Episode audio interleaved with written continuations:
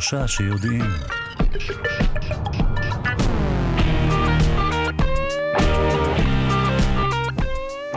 האם אה, כדורגלנים החכמים יותר? האם תצליח יפן לשגר אנרגיה סולארית מהחלל לכדור הארץ? האם ניתן לומר שהאדם הוא יצור מבוית? על שאלות כאלו ואחרות בשעה הראשונה. בשעה השנייה יידרש למגוון אסונות, לשריפות, לצונאמי, לטרמית מפתח תקווה ולמשקפיים של אפל. בוקר טוב לכם, מאזיני שלושה שיודעים. גם היום עורך אותנו אלכס לויקר על ההפקה. טל ניסן, עמרי קפלן ואיתי אשת, על הביצוע הטכני דימה קרנצוב, תודה גם לעדי קליגר. אני שרון קנטור, בואו נתחיל.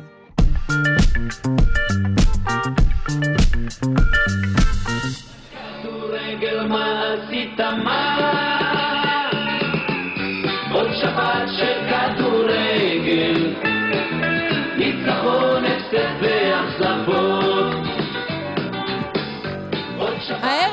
ישראל תתמודד על המקום השלישי במונדיאליטו. נדבר על uh, כדורגל ומדע, ובעצם נשאל האם לכדורגלנים יש יכולות שכליות טובות יותר מאחרים. נפנה לוורד שפירא, ביולוגית למכון דוידסון, הזרוע החינוכית של מכון ויצמן למדע. בוקר טוב. בוקר טוב. Uh, אנחנו רוצים לשאול אותך על היכולות של כדורגלנים. כן. Uh, אני חושבת שכל אחד היה אומר שאת יודעת, יש תיאום בין האיברים השונים. Uh, נכון? מה שנקרא uh, עין רגל כן. אולי. זהו, אז זאת שאלה ממש ממש מצוינת. האם לכדורגלנים יש יכולות שכליות שהן שונות אה, וטובות יותר מאשר לאנשים רגילים? כי זה באמת, קודם כל, לא משחק כזה פשוט. המגרש נורא נורא גדול, צריך לרוץ ממקום למקום, צריך לקחת אה, כדור מאוד מאוד קטן ולהכניס אותו אל תוך שער. ואנחנו רואים שזה, כל מי ששיחק כדורגל יודע שזה לא כזה קל לעשות את הדבר הזה, בטח שזה לא כזה קל לפגוע בכדור ולגרום לו לעשות את מה שאתה רוצה. אז זה מאוד סקרן ככה אנשים, האם באמת יש להם יכולות אה, טובות יותר משל שאר האנשים. ואנחנו קוראים לזה יכולות שכליות לדבר הזה? אז אפשר לקרוא לזה יכולות שכליות או מנטליות, כי יש כאן, זה מחולק לכל מיני דברים, כי קודם כל יש עניין של uh, תפיסת תנועה. ויש מחקר שנעשה על כדורגלנים, שבדק למעשה את היכולת שלהם להבין uh, תנועה במרחב, כשמה שעשו זה שלקחו אנשים שהם משחקים כדורגל והם שחקני כדורגל מקצועיים לעומת אנשים רגילים, ונתנו להם להסתכל על מסך, על אה, קבוצה של נקודות שזזות, כשהנקודות האלה בעצם מייצגות תנועה של, אה, של בן אדם. אבל הבן אדם הזה לא מיוצג בצורה של אה, גוף אנושי, אלא בצורה של נקודות ש... שמייצגות אותו במרחב, והם ראו שאנשים שמשחקים כדורגל בצורה מקצועית, מצליחים לגלות יותר מהר האם הנקוד, האוסף נקודות האלה מייצגות אדם שזז ימינה או שמאלה, לעומת אנשים אחרים שפחות הצליחו במבחן הזה. אז זה עניין של תפיסה, תפיסת תנועה. חוץ מזה יש גם עניין של ערנות ושל קשב, כי כשאתה משחק כדורגל, אתה צריך כל הזמן להבין מה קורה סביבך, מה האנשים האחרים עושים, להיות מרוכז בכדור, שהוא באמת מאוד מאוד קטן וזז מאוד במהירות במגרש, וזה גם איזשהו מבחן שעשו לכדורגלנים, לעומת כאלה שהם לא כדורגלנים. אה, עשו מבחן שבדק, אה, אה, שמו אותם מול מסך והראו להם ריבוע קטן שיש עליו פסים אופקיים, ומדי פעם הפסים האלה הפכו מלהיות אופקיים ללהיות אנכיים. והאנשים האלה היו צריכים לסמן כמה שיותר מהר, ברגע שהם שמים לב לשינוי הזה, הם היו צריכים ללחוץ על כפתור ולהגיב. וגם כאן ראו שאנשים שמשחקים כדורגל באופן מקצועי מגיבים הרבה יותר מהר. זאת אומרת, mm. זה, זה שוב, זה 50 אלפיות שנייה מהר יותר, כן, אבל זה עדיין, אבל זה עדיין מהר יותר, יותר וגם הבנתי שכן היה הבדל בחלק מהמבחנים בין uh, כדורגלנים בכירים בליגות גבוהות לבין ליגות נמוכות יותר, שאכן הליגות או. הגבוהות הצליחו טוב יותר במבחנים כאלו. אז זה, אז זה, כאן זה מבחן אחר שעשו, בעצם רצו לבדוק גמישות מחשבתית ויצירתיות, וכאן לקחו באמת כדורגלנים מכל מיני אה, אה, דרגות של אה, משחק, ורצו לראות אם הם מצליחים יותר או פחות במבחן של יצירתיות, שזה בסך הכל מבחן מאוד פשוט של לחבר נקודות בתוך ריבוע, אבל האתגר היה לעשות את זה כמה שיותר פעמים בדקה, ולא לחזור על אותה צורה פעמיים. ואז הם ראו שככל שהכדורגלן באמת יותר אה, מוצלח, יותר בכיר, משחק ב- בליגה גבוהה יותר, הוא מצליח יותר במבחן, והם המשיכו, ומה שהם עשו, הם לקחו שחקנים צעירים. ובדקו את היכולות האלה שלהם, ואז עקבו במשך שנתיים אחרי הקריירה שלהם כדי לראות אם יש באמת התאמה. האם כאלה שכשהם צעירים עוברים את המבחן הזה בצורה יותר מוצלחת, באמת מגיעים להישגים גבוהים יותר, והם ראו שכן, שכאלה שהם יצירתיים יותר ופותרים בעיות בצורה טובה יותר, אחר כך גם מצליחים יותר על המגרש, אז בהחלט יש קשר בין אה, אינטליגנציה לבין כדורגל, ואתה צריך אותה כדי להיות שחקן טוב. זה יכול להגיע גם למצב שאולי יעשו אבחונים כאלו לשחקנים, ולא רק מבחנים פיזיים? אז אני... אולי כן, ושוב, אנחנו לא יודעים מה מביא למה. האם זה שאתה משחק כדורגל ממש ממש טוב גם מפתח את היכולות השכליות שלך, או זה שאתה יותר מוצלח אז אתה בוחר לשחק כדורגל בצורה מקצועית. אני מניחה שיש עוד דברים מאשר יכולות שכליות, אבל זה בהחלט משהו שעוזר לך להיות שחקן טוב יותר. כן. בואי נדבר קצת אה, על הפסיכולוגיה הכללית של הכדורגל. אה, למשל, על צבעים של קבוצות. האם אה, ללבוש חולצה אדומה אומר שתצליח יותר? למשל. למשל. כן, למשל. אני, אני זוכרת ששוחחתי כן. כאן לפני אה, אה, מספר אה, שבועות עם אה, חוקרת בכלל של אה, אה, פסיכולוגיה מהסוג הזה, והיא נגיד אמרה שאישה, שתמונה של אישה שנמצאת על רקע אדום, אה, תזכה לתגובות חמות יותר מגברים שמתבוננים בתמונה, או. למשל.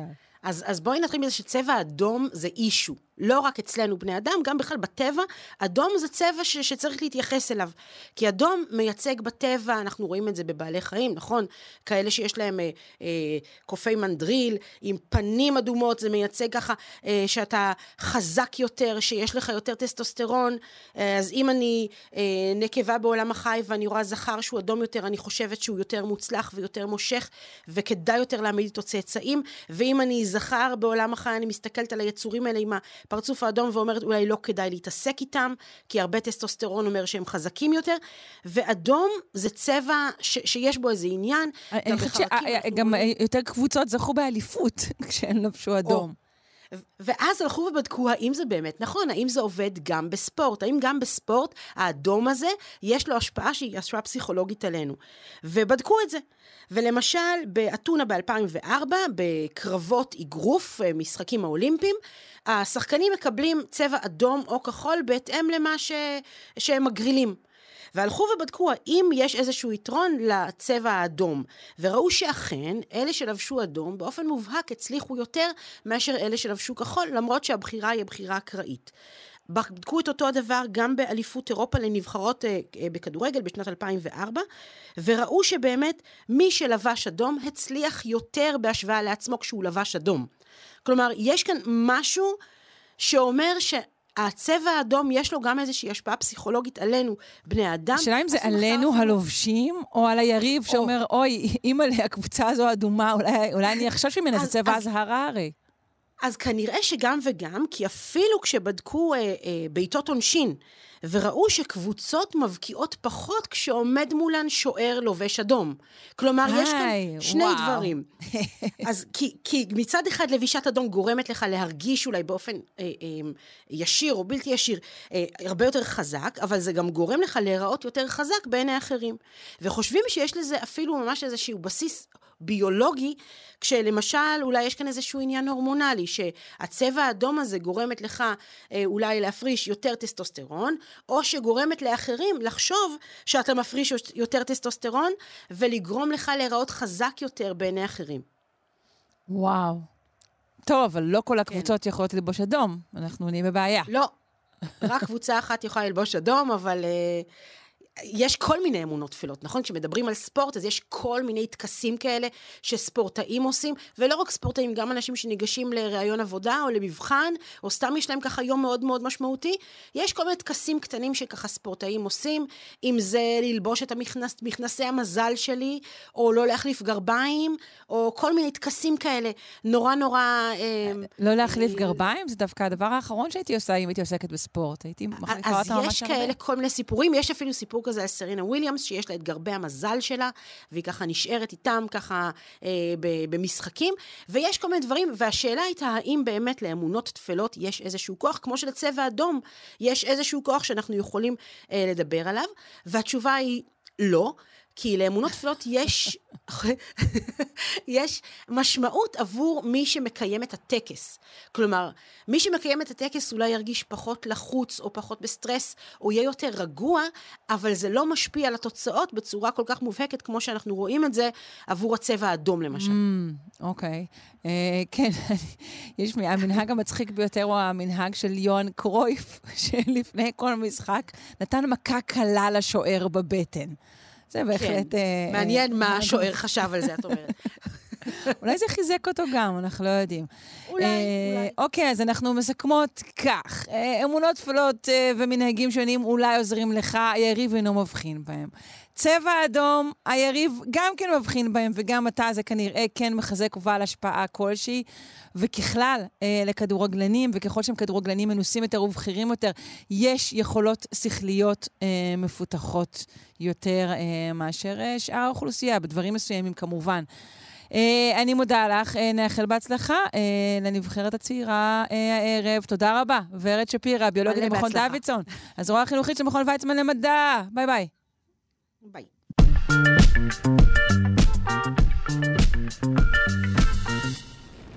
ובכן, אה, לא סתם קוראים ליפן ארץ השמש. אה, סוכנות החלל היפנית, בשיתוף עם גופים פרטיים, מתכננת לשגר אנרגיה סולארית הישר מהחלל לכדור הארץ כבר ב-2025. נפנה למידד פריאנטה, יזם, מהנדס חלל וסמנכ"ל טכנולוגיות ב Sky and Space Global, שלום. בוקר טוב, שרון. בוקר אור, מה, אתה נשמע מנומנם, השעה כבר כמעט שבע ועשרים, מה נסגר? אני קמתי יחד עם השמש. אה, נהדר. אה, אנחנו רוצים לדבר על אה, שיגור אנרגיה. אה, בעצם, זה, זה דבר שכבר נעשה מספר שנים, אבל לטווחים קצרים, נכון?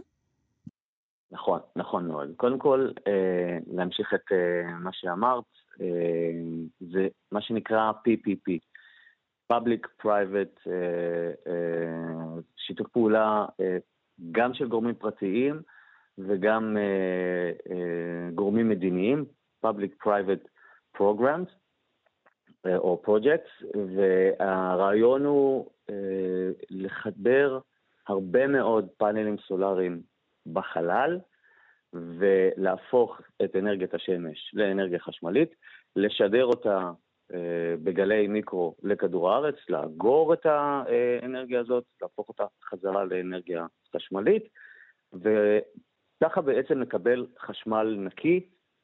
יש לזה המון המון המון אה, יתרונות.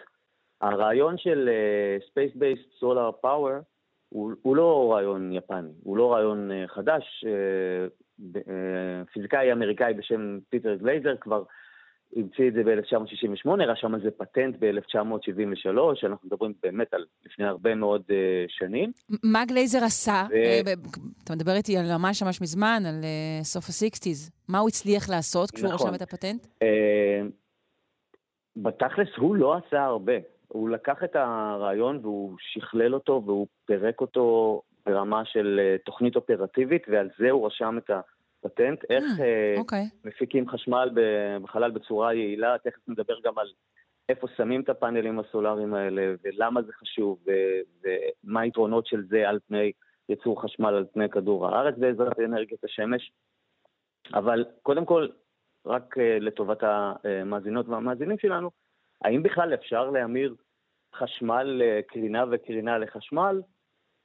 התשובה היא דה, כן, השלט שלכם ביד, כל פעם שאתם מפעילים שלט של איזשהו מכשיר, זה בדיוק מה שהוא עושה. כן. הוא הופך חשמל לקרינה, ובצד השני הוא הופך קרינה לחשמל. בזרמים מאוד נמוכים, במרחקים מאוד קצרים, אבל זה הכל עניין של scaling, של, של, אה, של יחס של אה, שטח ונפח, ו, וזה עניין שאפשר, אין שום חסם שמונע יכולת להגדיל את הטווח.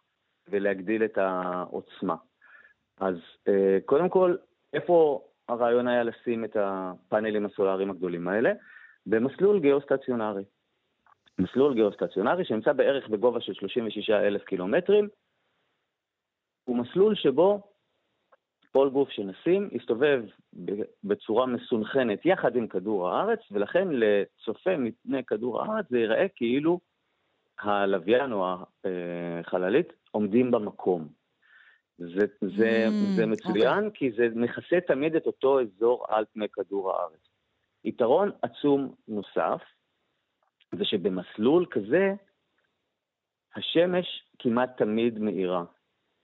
בניגוד לכדור הארץ, שיש לנו אה, יום ולילה, אה, עננות, אובך, זיהומים, ולמעשה הזמינות של הפקת חשמל מאנרגיית השמש בסדר גודל של 50% מהזמן. במסלול גיאוסטציונרי, עם פאנלים שעוקבים אחרי השמש ובעצם מסתכלים לאן שהיא נמצאת, אפשר להפיק חשמל 24/7. כל הזמן. המסלול הזה נמצא מחוץ לאזור הצל של כדור הארץ, ולכן אפשר להפיק אה, חשמל, למעט בשתי תקופות בשנה, בין ה-28 לפברואר ל-11 לאפריל ובין ה-2 בספטמבר ל-14 לאוקטובר, שבהם יש דקות שהלוויין הגיאוסטציונרי נמצא בצל של כדור הארץ ו- mm-hmm. ולא רואה שמש, אבל לא יותר משעה. את יודעת אה, אולי לחשוב מה עומד מאחורי התאריכים הספציפיים האלה? אה, אה, חגי, חגי יפן החגיגיים, לא. ימי השוויון. כן, כן, ברור. ה-21 למרץ, יום שוויון האביב, ב-21 לספטמבר, יום שוויון הסתיו. למעשה, כששמש נמצאת באותו מישור כמו של כדור הארץ, זה התקופה בשנה שבה יש אצל הלוויינים גיאוסטציונריים, אבל שוב, לא יותר, במקסימום זה 72 דקות מתוך יממה שלמה, ולכן זה מסלול אידיאלי לאיסוף אה, אנרגיית שמש כל הזמן. רגע, בואי נדבר עכשיו... אבל, אוקיי, את האיסוף, נגיד אנחנו מבינים, נגיד אנחנו אומרים, אוקיי, סבבה, שלחו פאנל סולארי אה, קרוב יותר לשמש, הגיוני, יש שם יותר אנרגיה. איך, איך אנחנו מעבירים את זה לכאן? אוקיי, אז הרעיון הוא אה, בחלל להפוך את אה, האנרגיה הזאת, החשמל ש, שהפאנלים הסולאריים מייצרים, ותכף ניתן קצת מספרים כדי ש... שהמאזינים יהיה יכולת להבין על מה אנחנו מדברים. אה, לקרינת ערף, או אה, ליתר דיוק לגלי מיקרו, שידור בסדר גודל של 2 ג'יגה הרץ, משדרים את הקרינה הזאת בעוצמה מאוד מאוד חזקה למקלטים שנמצאים על פני כדור הארץ, ובגלל שזה לוויין גיאוסטציונרי, המקלטים האלה נמצאים באזור קבוע, עושים חוות מקלטים על כדור הארץ, עושים חוות פאנלים סולאריים בחלל, mm-hmm. מעבירים את הקרינה הזאת, אה, במקלטים בכדור הארץ הקרינה הזאת נקלטת ומומרת לחשמל שנאגר בסוללות. כמה אנרגיה אפשר... זה מייצר לי, או, ומה היתרון או, של זה לעומת אה, פאנלים סולאריים אה, כאן למטה? קודם כל, פאנלים סולאריים כאן למטה, כמו שאמרנו, אה, לא יכולים להפיק חשמל כל הזמן. לא נכון. בלילה, לא כשיורד גשם, לא בעננות. שוב, כשנצליח לשכלל את נושא ההגירה, אז אולי אה, יהיה יותר פיקס העניין הזה. גם, גם נכון, אבל יש פה את העניין אה, של הזמינות, שזה מאוד מאוד חשוב. חוות פאנלים בחלל, ששטחה 100 מטרים רבועים, פחות או יותר, תפיק בסביבות 130 מיליארד קילוואט שעה בשנה. רק לסבר את האוזן, צריכת החשמל של מדינת ישראל בשנת 2021, לפי הרישומים של המדינה, היה כ-70 מיליארד קילוואט שעה. זאת אומרת, בחוות פאנלים שהיא יחסית מאוד קטנה, 100 מטרים רבועים על 100 מטרים רבועים, תחשבו על זה, זה בגודל של איצטדיון כדורגל פחות או יותר, מרפרר לאייטם כן. הקודם. אה. זה כמעט פי שתיים מהצריכה הכוללת של כל ישראל, וזה בלי שצריך תחנות כוח פחמיות, אה, הפקת חשמל מגז, אה, את כל הזיהום אוויר ש, שכלול בהפקת אה, חשמל. בסך הכל משטח קטן של 100 מטרים רבועים על 100 מטרים רבועים, אפשר להפיק יותר חשמל מכל מה שמדינת ישראל צריכה. עכשיו, hmm, תס... אבל, אבל בוא, בוא, בוא בכל זאת נדבר על, על, על חסרונות וסיכונים, כי אתה מציג את זה כקסם מדהים. זה, זה קסם, ועד לא מזמן החיסרון היה מחיר. אמ, דיברנו על 100 אה, מטרים רבועים על 100 מטרים רבועים, לשים 100 מטרים רבועים של פאנלים סולאריים בחלל עולה סדר גודל של 160 מיליון דולר. Mm.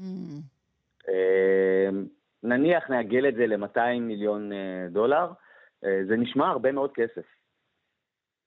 אבל אם נחשוב על כמה עולה להקים ולתחזק תחנות כוח כדי להפיק את אותה אנרגיה, אה, זה לא באמת הבדל כזה גדול.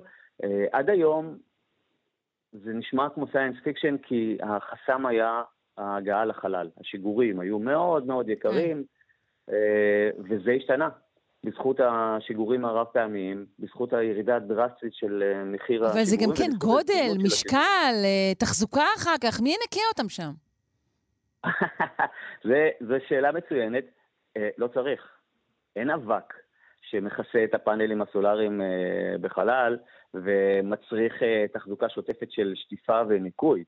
אה, כן, יש ירידה בביצועים בגלל הצטברות של קרינה, קרינה קוסמית, אבל היא מאוד מאוד מאוד נמוכה, ופאנלים סולאריים יכולים להחזיק עשרות שנים בחלל ולהפיק המון המון אנרגיה, והטכנולוגיות של פאנלים סולאריים משתפרות כל הזמן. אם רק לפני עשר שנים הפאנלים הסולאריים הכי מתקדמים היו בנצילות של סדר גודל של 25 אחוז, זאת אומרת, על כל ואט של חשמל שהשמש משדרת אלינו או שולחת אלינו, אה, רק 25% אחוז מזה היו הופכים לאנרגיה. היום זה כבר בסביבות 30 אחוז, ויש כבר 35 אחוז, ויש כבר במעבדה פאנלים סולאריים שעובדים ב-40% נצילות. גם זה כל הזמן הולך ומשתפר.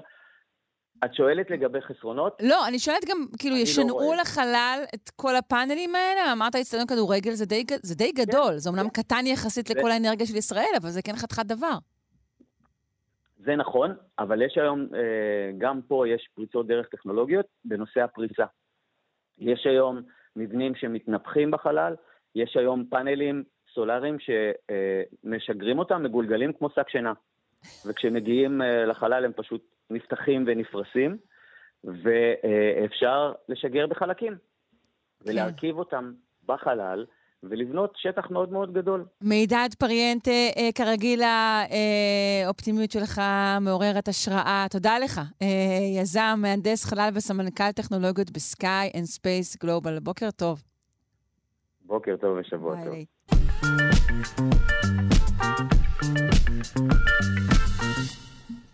ועכשיו אנחנו רוצים לשאול, האם ניתן לומר שהאדם הוא חיה מבויתת? נפנה לדוקטור אלון ברש, מומחה לאנטומיה ואבולוציה של האדם, מהפקולטה לרפואה על שם עזריאלי באוניברסיטת בר אילן. שלום. שלום, בוקר טוב. בוקר אור. מה, מה, מה, אי אפשר להגיד את זה בכלל. האדם הוא המביית. הוא אינו מבוית. זה, זה, זה, זה, זה חצי נכון, אני בדעה שהאדם זה החיה המבויתת הראשונה. Mm, אבל, אוקיי, על ידי מי בויתה, או שאפשר להגיד שמישהו מביית את עצמו? כן, בהחלט בייתנו את עצמנו, mm, שזה אוקיי. לא לגמרי יוצא דופן. אה, אבל בואי נראה רגע מה זה בעצם ביות, על מה אנחנו מדברים בכלל. כן. זאת אומרת, יש הרבה תכונות אה, שמשותפות לחיות מבויתות, גם לצמחים, אבל אני לא מומחה לצמחים, אני מומחה לאנשים. אז נדבר על חיות. למשל, אה, אה, ניקח אה, התפרעות של צבעים. זאת אומרת, אנחנו מכירים את זה, למשל, כלבים, חתולים, יש להם המון המון צבעים, אה, שהם שונים מהצבע של החיית בר, כי ברגע שאתה כבר לא צריך לדאוג להסוואה, אז אין לך מה להישאר בצבע המקורי שלך, זה חסר משמעות. אה, וגם אצלנו יש הרבה מאוד מופעים של בני אדם, הרבה מאוד צבעים. אה, אנחנו אוהבים להאשים את ה... שהם הופיעו רק, רק אחרי שהתיישבנו לנו? אנחנו לא יודעים מתי זה הופיע. אנחנו יודעים שזה, it's complicated כמו שאומרים. השינוי ב, ב, בצבע עור, בצבע השיער בבני אדם, הוא תהליך ש, שהוא מורכב, והוא לא קרה בבת אחת. אבל לא בראשית, לא היינו, בראשית היינו דומים יותר, זה בטוח? בוודאי, בוודאי, okay. בוודאי. בוודאי, וגם אה, הדגם שאנחנו מכירים היום של שיער בהיר ועיניים בהירות לא תמיד היה ככה. אה, אז, אז קרה לנו משהו שם. אז קודם כל זה, אחת. וכאן אנחנו דומים באמת לחיות אחרות. אוקיי. נכון. אה, אנחנו מדברים, אה, למשל, אה, ביות קורה בעיקר בחיות שהן חיות להקתיות, כמו כלבים, כמו פרות, אה, חתולים הם יוצאי דופן מהבחינה הזאת, שהם לא חיה מתלהקת, אבל בדרך כלל... הם, הם גם לא בדיוק מבויתים. נכון, זה נכון, כל מי שיש לו חתול יודע את זה. חתול זה לא בדיוק חיה מבויתת. אה, חצי מבויתת, אבל כלבים למשל, אה, פרות ועוד הרבה מאוד בעלי חיים הם במקור חיה מתלהקת, ואז הם רגילים ללכת אחרי מנהיג. גם אנחנו מתלהקים. גם אנחנו חיים אולי בתא משפחתי, אבל בסופו של דבר בסוג של להקה. כן. אה, יש לנו, יש לנו את המשפחה שלנו, יש לנו את הרחוב ובית שבו אנחנו גרים, ומאז ותמיד זה היה ככה, היה לנו את השבט שלנו. גם אנחנו חיה מתלהקת. ואולי אחד הדברים המדהימים ביותר, שמשותפים לנו ולחיות המבויתות, זה העניין שנקרא פדומורפיזם. זה שאצל הבוגר, בצורה הבוגרת, אנחנו שומרים על תכונות ילדותיות, גם בהתנהגות וגם בצורה. אמ, וזה לא משהו שאני המצאתי, זה כבר לפני מאה שנה נאמר אה, על ידי לואיס בולק, אה, ששם לב לעובדה שאתה מסתכל למשל על, על גולגולת של בן אדם, היא דומה מאוד לגולגולת של תינוק. בעוד שאצל קופים הגולגולת היא מתחילה גולגולת תינוקית, ואז מתארכת לצורה שאנחנו מכירים עם הפה והאף הארוכים כן. אצל הקופים. וחיות מבויתות גם הן משמרות אה, צורות כאלה? בוודאי, חיות מבויתות משמרות צורה ילדותית, וזה לא רק בצורה הפיזית, אלא גם בהתנהגות. זה שכלב מקשקש בזנב, מיילל, משחק, זה הכל תכונות ילדותיות של גורים של, של זאבים. זה משהו שמשרת משהו באורח חיי המבוית, או, ש, או שההפך, הוא תוצאה של, אה, של החיים, ה, נקרא להם אולי החיים יותר? זה, זה, זה, זה קשה לדעת, כי באמת אה, הדוגמה הזאת של חיה שמבייתת את עצמה, אה, אנחנו לא מכירים את זה הרבה, זה קורה, אבל אנחנו לא מכירים את זה הרבה. לא, יש אצל אה, חיות אחרות, נגיד שאינן האדם, לפני הקייס הזה. אה, נגיד, מה זה משרת אצל הכלב? או ההפך. אז אצל הרבה בעלי חיים זה בעצם פתר להם בעיה. הם כבר לא צריכים לדאוג למחסה, הם כבר לא צריכים לדאוג לאוכל, הם לא צריכים לדאוג למש, למישהו או משהו שישמור עליהם, זה מסיר מהם את הלחץ האבולוציוני הזה. וזה מאפשר להם להישאר הם, הם, משחקיים ואולי ילדותיים פשוט לאורך ככל זמן? הנראה שזה, ככל הנראה זה הפועל היוצא של הדבר הזה. Mm, אוקיי. אולי, זה לא, אולי זה לא הכרח, אבל okay. זה כן. הפועל היוצא של הדבר הזה. אמ, וישנה סברה ש, שברגע שאתה מביית את עצמך, ברגע שאתה הופך להיות יותר להקתי, ברגע שאתה הופך להיות יותר ילדותי, ברגע שאתה הופך להיות יותר תלוי אחד בשני, אז החיים שלך במידה רבה נהיים קלים יותר. כי אתה כבר לא צריך לדאוג רק לאוכל של עצמך, אתה כבר לא צריך אה, לבד למצוא מחסה. יש בזה יתרון אבולוציוני. זה גם יכול להסביר תהליכים של אה, אינפנטיליזציה בחברה האנושית שאנחנו רואים אה, מתקדמים בצעדי ענק אה, כמעט מדי יום.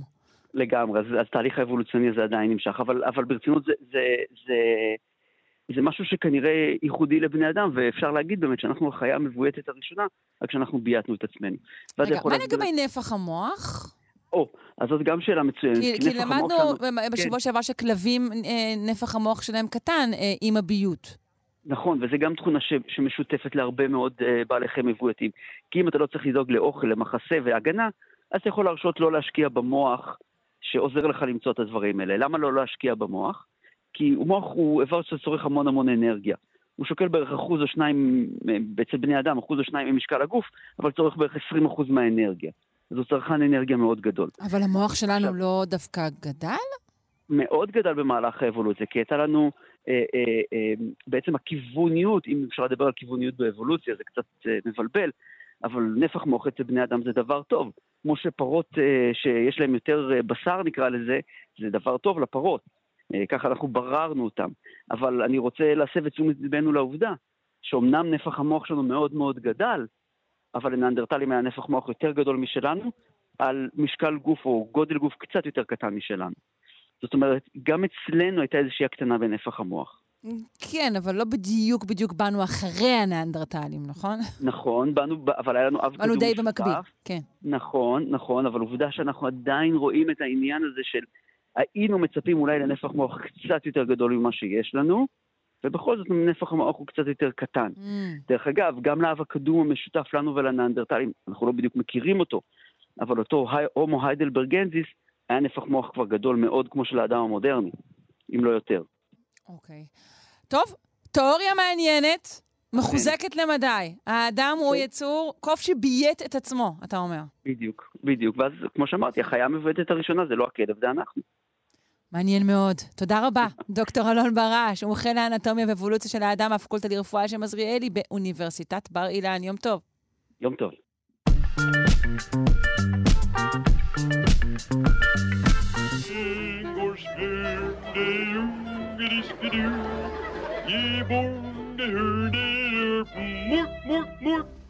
בשנות ה-40 של המאה ה-19 עברה אירלנד את הרעב הגדול. זה היה אסון תזונתי נורא, בו מתו מאות אלפים ועוד רבים יותר חיו בתנאי תת-תזונה. אנחנו רוצים לדבר אה, עכשיו בתולדות התזונה האנושית על הרעב הגדול, על אה, חקלאות מונוקולטורית ועל כלכלה. אה, נפנה לדוקטור אורי מאיר צ'יזיק, מומחה להיסטוריה של התזונה והרפואה. בוקר טוב. בוקר אור, בוקר אור. באמת, אה, זה אחד הסיפורים הכי מעניינים, אה, סתם, אני, האמת שכל סיפור הוא מעניין בהיסטוריה של התזונה, אם שמנו לב בפינה הזאתי, אבל זה סיפור מיוחד uh, במינו. ו... um, וצריך לספר אותו כי הוא סיפור שקצת מלמד אותנו על השיטה החקלאית שלנו ועל המורכבות שבה. כי בעצם אנחנו, החקלאות שלנו היא ברובה חקלאות של מונוקולטורה. מה זאת אומרת מונוקולטורה? אנחנו מגדלים אה, אה, מין אחד, על שטח גדול. כן, על שטח מאוד מאוד uh, גדול. ולמונוקולטורה הזאת יש כל מיני מחירים. כי את יודעת, ברגע שאנחנו מגדלים uh, חיטה על, uh, מאה, על אלפי דונמים ולא גדל שם שום צמח אחר, אנחנו בעצם מצמצמים באותו שטח את המגוון הביולוגי, וככה הגידול שאנחנו מגדלים הוא הרבה יותר אה, פגיע. פגיע, mm-hmm, נכון. וזה מה שקרה בעצם ל... כן. באירלנד? כן. זה מה שאנחנו, זה אומר שאנחנו צריכים לרסס וכולי. עכשיו, הסיפור של אירלנד הוא מאוד מאוד מעניין, כי בעצם תפוח האדמה, הרי המקור שלו הוא באמריקה. נכון. עד גילוי אמריקה, באירופה לא היו תפוחי אדמה. ובאמריקה, באזורים ההרריים, השיטת גידול הייתה שונה. בעצם במקום חקלאות חד-גידולית, מונוקולטורה, הייתה להם חקלאות רב-גידולית. חקלאות חד-גידולית היא מתאימה למקום שבו יש לנו שטחים נרחבים, אה, מישוריים, שבהם יש בערך את אותם תנאים. Mm-hmm. אם אני שותל חיטה בצד אחד של השדה או קילומטר בצד השני, עדיין אה, יש את אותם תנאים אקלימיים. אבל במקומות הרריים, כמו שיש בדרום אמריקה, שבהם יש גבהים שונים וצדדים שונים של הר שבכל צד יש טמפרטורה אחרת ולחות אחרת וקור אחר ו... וכולי וכולי. שם היה מאוד מאוד קשה לעשות מונוקולטורה והתפתחה חקלאות שהיא חקלאות רב-גידולית. מגדלים מגוון מאוד מאוד גדול של זנים על שטח אה, אה, קטן ומנהלים סיכונים. שזה בטוח יותר ובריא יותר לגידולים. נכון, אז ב- אוקיי. באמת, נכון, נכון, זה בטוח יותר בריא יותר. וזה בעצם אה, בדרום, בדרום אמריקה גידלו 3,000 זנים שונים של תפוחי אדמה. וואו. היו מקומות, אני שמעתי סיפורים שעל אה, שדה אחד של דונם היו 30-40 אה, זנים ביחד. כי אז אם חלק מהזנים לא מצליחים, אז, אז יש לך, אה, כן, צומחים, תעודת ביטוח. תראה, כן. זה גם אולי, אבל ההפך, אולי גם בעצם זה יכול גם להביא מזיקים שונים שנטפלים לאיזה לא, זן. לא, אז לא, היום אנחנו יודעים שבעצם דווקא המזיקים, אה, יש להם מקומות בתוך מגוון מאוד מאוד גדול, יש המזיקים, יש להם נטייה להתרבות פחות.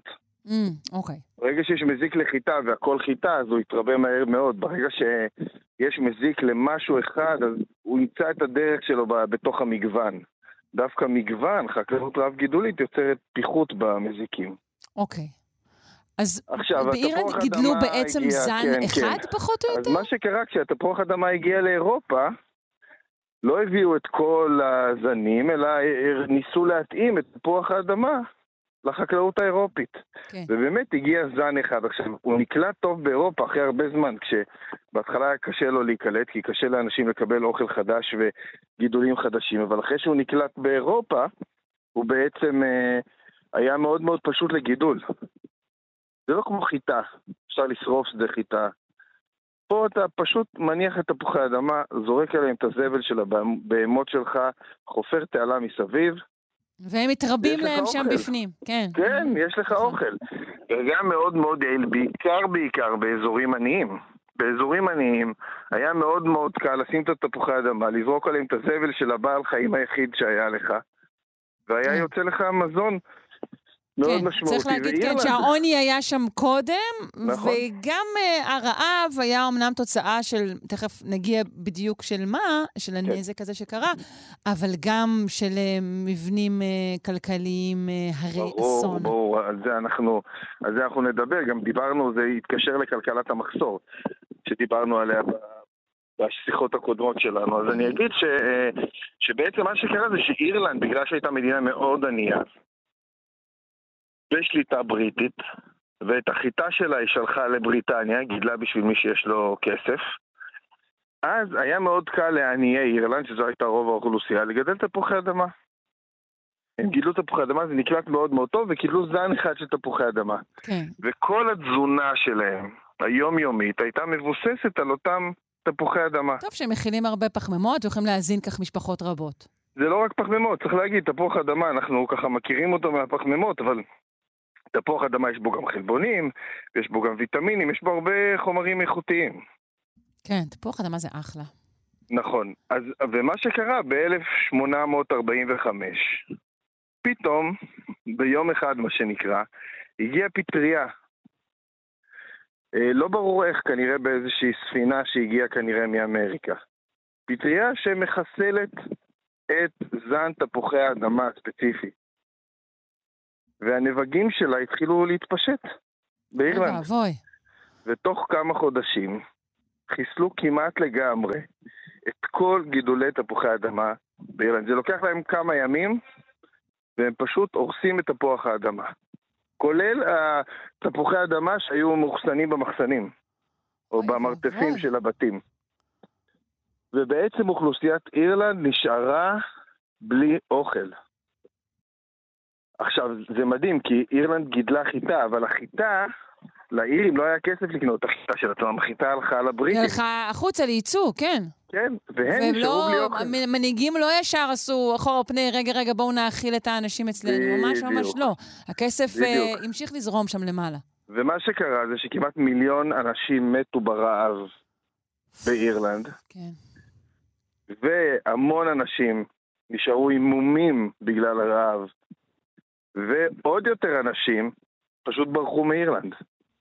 בעצם 50% מאוכלוסיית אירלנד נמחקה ברעב תפוחי האדמה. 50 אחוז. וואו.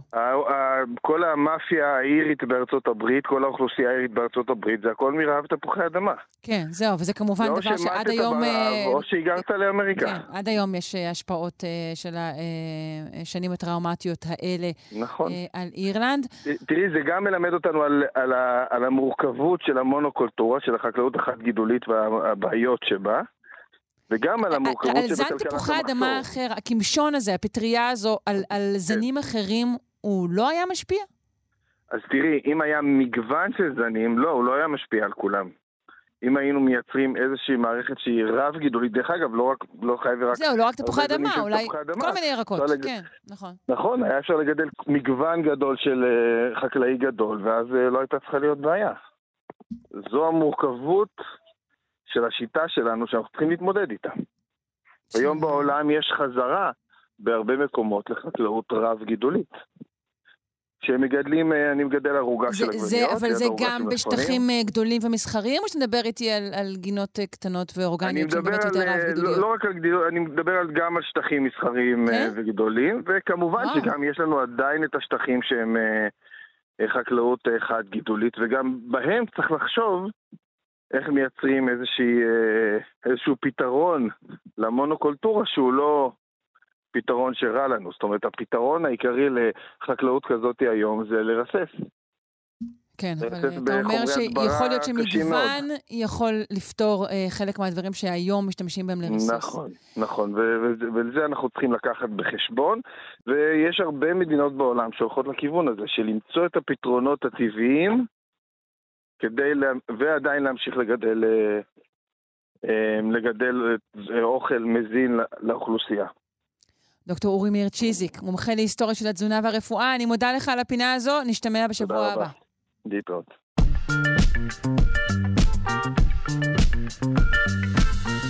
נאמר בוקר טוב לפרופסור משה זורמן, מלחין מנצח ומייסד הקתדרה למוסיקה בשיתוף הדוקטור אסטרית בלצן. בוקר טוב. בוקר טוב. על מה נדבר הבוקר? הבוקר קודם כל ניזכר במרדכי רכטמן, שהשבוע הלך לעולמו. אה. מרדכי רכטמן היה זקן נגני התזמורת הפילהרמונית הישראלית, ממקימי התזמורת, נפטר השבוע בגיל 97. ורכטמן לא היה רק נגן באסון הראשון בפילהרמונית, בין 46 ו-91, 50 שנה כמעט. נוסף לזה היה גם נגן, היה מורה דגול שהדריך דור שלם של נגני כלי נשיפה, איבד עשרות יצירות לאנסמבל של כלי נשיפה בהרכבים שונים ממיטב הרפרטואר של המוזיקה הקלאסית.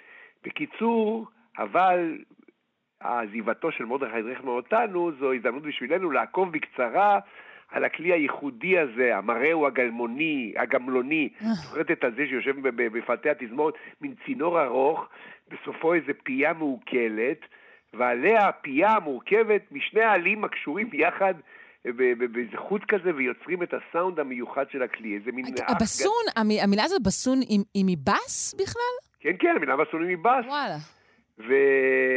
ובגרמנית קוראים לזה בכלל פגות, לא בסון, אבל יש לזה את השמות שלו.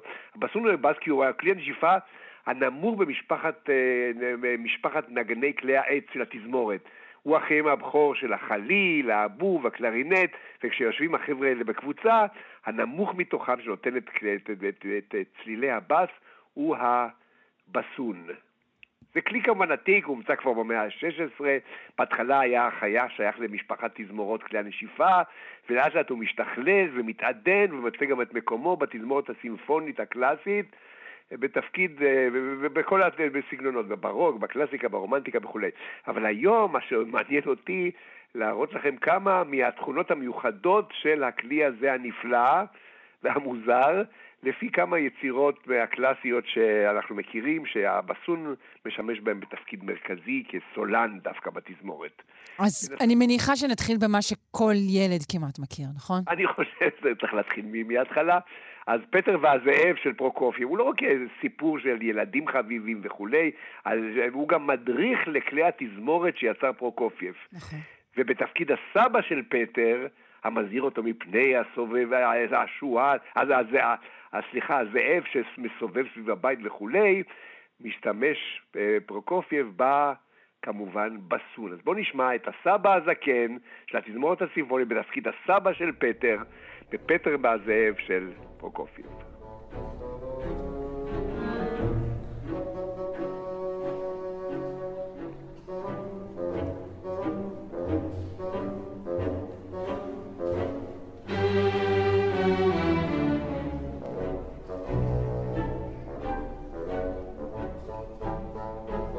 כמו סבא בסון, הוא גם נמוך בצליל, אבל, אמ, וגם מזהיר, אבל גם יש בו משהו מאוד מאוד חם. יש משהו, אנחנו נגיע בהמשך התוכנית לחלק החם שבו, ויש לו עוד רגיסטרים מעניינים, לא רק הנמוך בהם, אלא גם רגיסטרים גבוהים מאוד מאוד פיקנטיים. אבל נמשיך עם עוד אחד נמוך, כיוון שכשאתה מדבר בסון, אתה תמיד מדבר, חושב על איזה סבא זקן שהולך לו עם מקלו, mm-hmm. או משהו מפחיד כזה, וגם המלחין הנורבגי, גריג, אדוארד גריג, כשהוא מלחין את המוזיקה למחזה פרגין של איבסן, משתמש בבסון לתיאור הקטע בארמון מלך הערים, מחול הטרולים. מתאר את המרדף של הטרולים אחרי פרגין. מי הם אותם טרולים? הם יצורי פרא מהמיתולוגיה הנורבגית, לפי האגדות הם חיים ביערות והם מתוארים בתור יצורים גדולים, טיפשים, מכוערים, בעלי אוזניים גדולות, אף ארוך וזנב, ועם תיאור כזה כמובן, גריג בוחר דווקא בבסון כדי לתאר את מרוץ הטרולים אחרי פרגין. מתחיל בהתחלה עם הקונטרבסים והבסונים ואחר כך הולך לכל התזמורת כולה.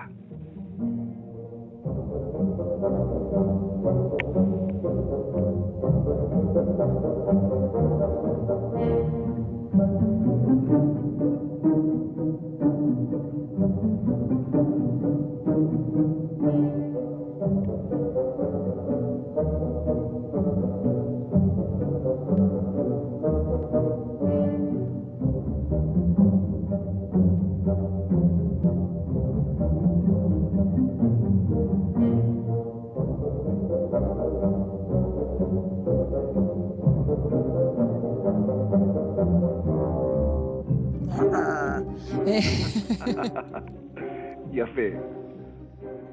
לאן נמשיך מכאן? נמשיך מכאן. עכשיו, אני רוצה להדגיש גם שלבסון יש תכונות נוספות.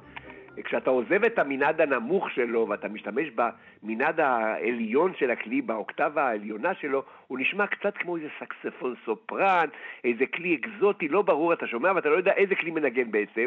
ואת התכונה הזאת של הבסון מנצל איגור סטרווינסקי.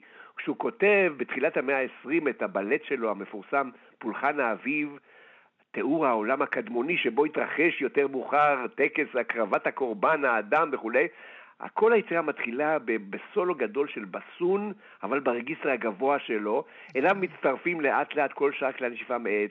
העולם הקדמוני מתעורר אט אט מתרדמתו, עולם זר ומוזר, וגם הבסון מתחפש פה לאיזה חיה קדמונית. הבסון ברגיסטר הגבוה שלו. סטרווינסקי, פולחן האביב.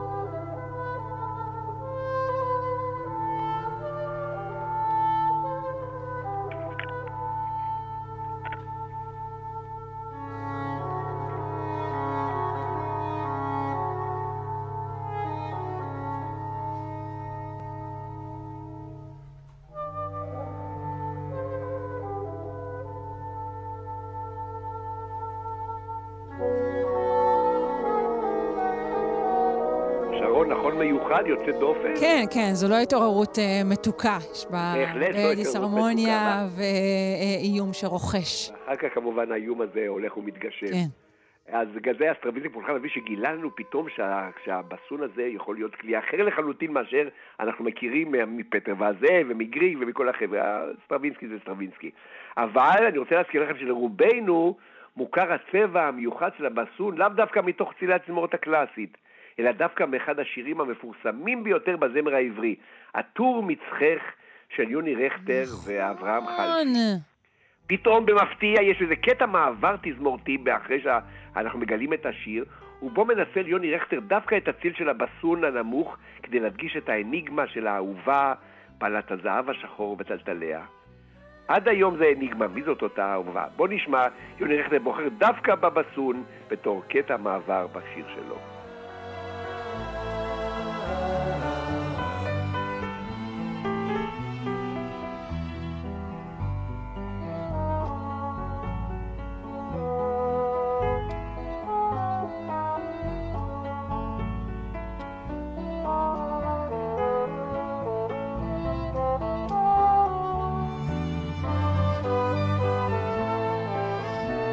שאמרת, אחד השירים שנבחרים שוב ושוב בתור אה, אה, הטופ של הזמר הישראלי, ויש בו פשוט סולו בסון.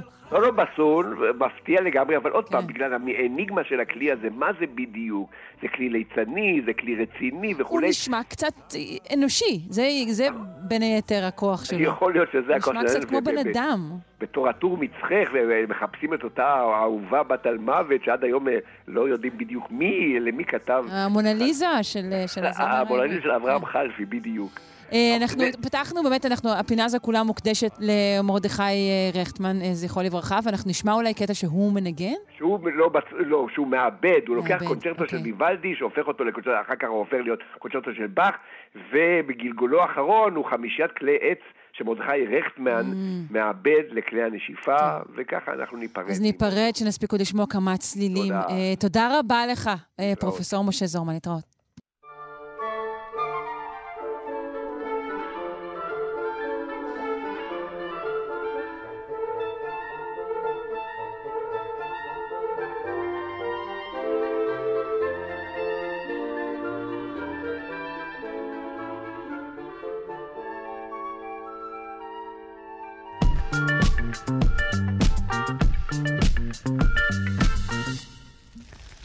התמונות uh, שמגיעות מקנדה, uh, אבל גם מכל אזור שמושפע ממנה uh, מזעזעות. מזה שבועות מאות שריפות משתוללות בקנדה. ידיעה שאני רואה ממש מהבוקר אומרת שיש סיכוי שהם ימשיכו לאורך כל הקיץ. זיהום האוויר שנובע מהן משפיע על מיליוני בני אדם בצפון אמריקה. אה, נפנה כרגע לפרופסור דניאל רוזנפלד מהחוג למדעי האטמוספירה במכון למדעי כדור הארץ באוניברסיטה העברית. שלום, בוקר טוב. שלום רב. אה, למה פרצו כן. השרפות בקנדה? מזג האוויר אה, באביב והקיץ המוקדם האחרון היה חם מהרגיל, חם ויבש. אה, זה ברחבים הגבוהים אה, של צפון אמריקה, שזה קנדה, האזור מאוד מיוער, רוב השטח מכוסה ביערות, וכאשר מזג האוויר חם ויבש, יכולות לפרוץ שרפות. הסיבה להצתת השרפות האלה נעוצה במזג האוויר החם והיבש, שמלווה בסופות רעמים יבשות יחסית, בדומה למה שחווינו אה, בשבוע, שבועיים האחרונים, כאשר יש אה, אוויר אה, אה, חם ויבש, אבל בלתי יציב, אז אה, נוצרות, נוצרים עננים עם בסיס גבוה אה, וברקים, עם, אבל רוב הגשם אה, שיורד מהעננים האלה מתאדה עד שהוא מגיע לקרקע, וכך הברקים שפוגעים ביער יכולים להצית אותו למרות היווצרות ענני הסופה. והשריפות האלה הולכות ומתפשטות, אה, כי אין, אה, כי המוקדים כל כך מרובים שאין אפשרות אה, לטפל בכולם. למען האמת, בקנדה מסוגלים לטפל בפחות מ-10% מכמות השרפות שנוצרות. ואז העשן הולך ומתפשט, ועם הרוחות מגיע, הוא עובר אלפי קילומטרים, ויכול להשפיע על אזורים כמו ניו יורק למשל, ש... אה, זה עלה לחדשות, לא בגלל שזה אה, אה, פתאום קרה וקודם זה לא קרה, אלא בגלל שזה הגיע לאזור שבו ישנם הרבה אנשים שמסוגלים לחוות את זה. למעשה כבר כל חודש מאי כמעט, צפון, במיוחד צפון מערב קנדה, אפופה בעשן השרפות. בכמות כזאת שמסתכלים בתמונות לוויין, אי אפשר לראות את הקרקע, כי הוא מכסה את, ה, את השמיים, ומי שנמצא על הקרקע לא יכול לראות את השמש, או יראה אותה בצורה מאוד עמומה דרך מסך העשן הכבד, וזה משתרע על שטח של הרבה אלפי קילומטרים מרובעים. אתה מתאר תהליכים טבעיים אה, ברובם, אבל כן יש קר אה, לשינוי האקלים. אני חושבת, שוב, תקן אותי אם אני טועה, שהקדמה מסוימת אה, של האביב והטמפרטורות הגבוהות, יש להן גם קשר לשינוי האקלים. בהחלט, כרגע אני רק תיארתי מצב שבו אה, חום ויובש אה, קיצוניים יכולים להביא לריבוי שריפות. כן. אה, עכשיו, הסיבה, השאלה עכשיו, מה הסיבה לחום והיובש הזה? אם כמות השריפות הזאת הייתה חוזרת כל שנה, כי אז היערות היו נגמרים די מהר. זה נשרפים בקצב יותר גבוה מאשר הריבוי הטבעי שלהם, וזה בעצם ממחיש את העובדה שמשהו קורה עכשיו שלא קרה קודם, שככל הנראה קשור להתחממות העולמית. דרך אגב, זה קורה לא רק בקנדה, קנדה, אה, זה קורה גם בצפון רוסיה, בסיביר, בממדים עוד הרבה יותר גדולים מאשר בקנדה. אה, השנה קצת פחות, אבל שנה שעברה אה, היו, ושנה קודם לכן, היו שריפות יער אדירות באזורים האלה, שגימדו את מה שקורה עכשיו בקנדה. כן, אה, וללא ספק מדובר באירוע חריג, כלומר, אתה יודע, אני פשוט מנסה לענות לטענות שנשמעות אה, לא אחת, שהשריפות האלה, מכירים אותן, שהן חוזרות. אז נכון ששריפות כאלו קורות, אבל מה שקורה עכשיו הוא נדיר, אה, מתואר כגרוע פי 13 מהממוצע. גלי, כן, גלי חום היו תמיד. מה המשמעות של ההתחממות העולמית? שגלי החום רוכבים על המגמה של עליית הטמפרטורה הכללית.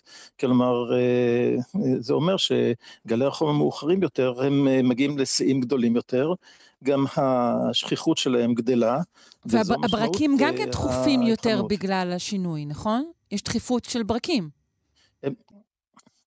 הברק, הברקים שמלווים לזה גם uh, מתעצמים, uh, עם כל עליית מעלת צלזיוס, יש בערך עלייה של איזה uh, בין 10 ל-15 אחוז בכמות הברקים. כן. בעצם אמרת שקנדה לא יכולה להתמודד עם המצב הזה, בגלל הפיזור הגדול של השריפות, בגלל המרחבים הגדולים. אכן. אה, וכך גם בסיביר, בסיביר עוד אה, הרבה פחות מזה. וגם אה, אנחנו ראינו תופעות כאלה, גם כן שלעיתים קורות במקומות אחרים בעולם. בואו בוא נזכר בשריפות היערות אצלנו, בקנה המידה הצנוע יותר אצלנו, אבל הנה, השריפות בכרמל, הזכורות לדיראון, כן. גם גם אה, מתעצמות. אצלנו לא בהכרח הברקים מציתים אותם, אלא גורמים אחרים, ביניהם אה, הצתות מכוונות, אבל התוצאה של שריפה מאוד גדולה היא תלויה, היא בעצם תוצאה של מזג האוויר היבש והחם.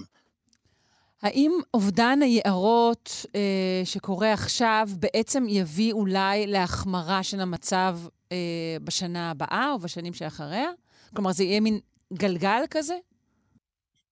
כלומר, אה, אה, כלומר את, את מרמזת למה שנקרא משוב חיובי, כלומר בשל שריפת היערות, אה, משתחרר, עצם החומר שנשרף שם משחרר עוד דו תחמוצת הפחמן, בדיוק, דו תחמוצת פחמן לאטמוספירה, וזה מגדיל את אפקט החממה ומאיץ את ההתחממות, וההצעה הזאת שוב מאיצה את שריפת היערות וחוזר חלילה.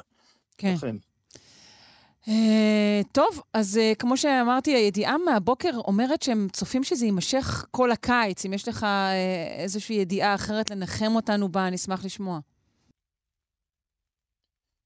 Uh, אני לצערי לא יכול uh, לומר משהו אחר. Uh, למעשה זה כבר נמשך החל מתחילת מאי כן, באזורים מסוימים, כן. ורק ורק, אה, אה, ותלוי בכיווני הרוח, אה, לאן שהעשן הזה מגיע. כאשר הוא הגיע לאזור ניו יורק ווושינגטון, אז זה זכה לתשומת לב מרובה. אבל זה לא דבר שקרה רק עכשיו, זה, זה מגמה שהולכת ומחמירה. ו... ולכן אה, אנחנו צריכים להסתכל על התמונה הגדולה ולא רק אה, להיות אה, נחרדים כשזה בא ממש לחצר הקדמית שלנו. כן, בוודאי, נכון. אנשים באמת הם שיתפו בהמוניהם תמונות של ניו יורק במזג, בזיהום האוויר הקשה הזה, אבל באמת, כמו שאתה אומר, זה כבר שבועות רבים מחולל שמות בקנדה, מזיק לחיות, ליערות. וגם ליישובים של פני אדם. כן, ולא, ולא רק השנה, זה דבר שכבר קורה ב, בקצב הולך וגובר בשנים האחרונות. טוב, אבל אולי אה, העובדה שזה משפיע ככה על ניו יורק אה, כן אה, תסייע אה, לבצע החלטות אה, אמיצות יותר אה, בתחום האקלים. אה, בסופו של דבר אה, זה תלוי בנו, בש... בסדרי העדיפויות שאנחנו מציגים לפנינו, לפני עצמנו. ובעצם מנהיגים, לדעתי, הולכים, הפעולות אה, שהם נוקטים, לפחות בדמוקרטיות, תלוי במה שהם יעשו בשביל אה, שיבחרו בקדנציה הבאה. כלומר, כאן יש עניין של אה, הגברת המודעות וחינוך, ומה שבא דרך חינוך בטוב זה מצוין, ומה שבא דרך אה, מה שאנחנו, אה, האסונות שאנחנו נוכחים בהם, או כאשר מגיע השן הזה ומלמד אותנו מה קורה ומה המצב השכיח באזורים נרחבים אה, שבהם, שהם ריקים יחסית מאדם.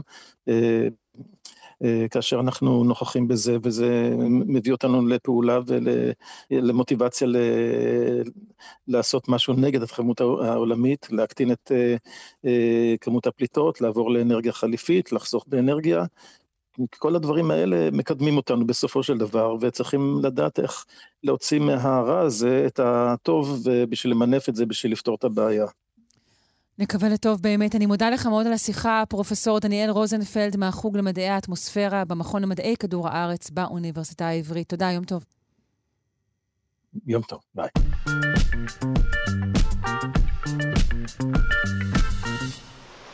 אוקיי, okay, אנחנו ממשיכים אסונות טבע, אבל גם עם פתרונות.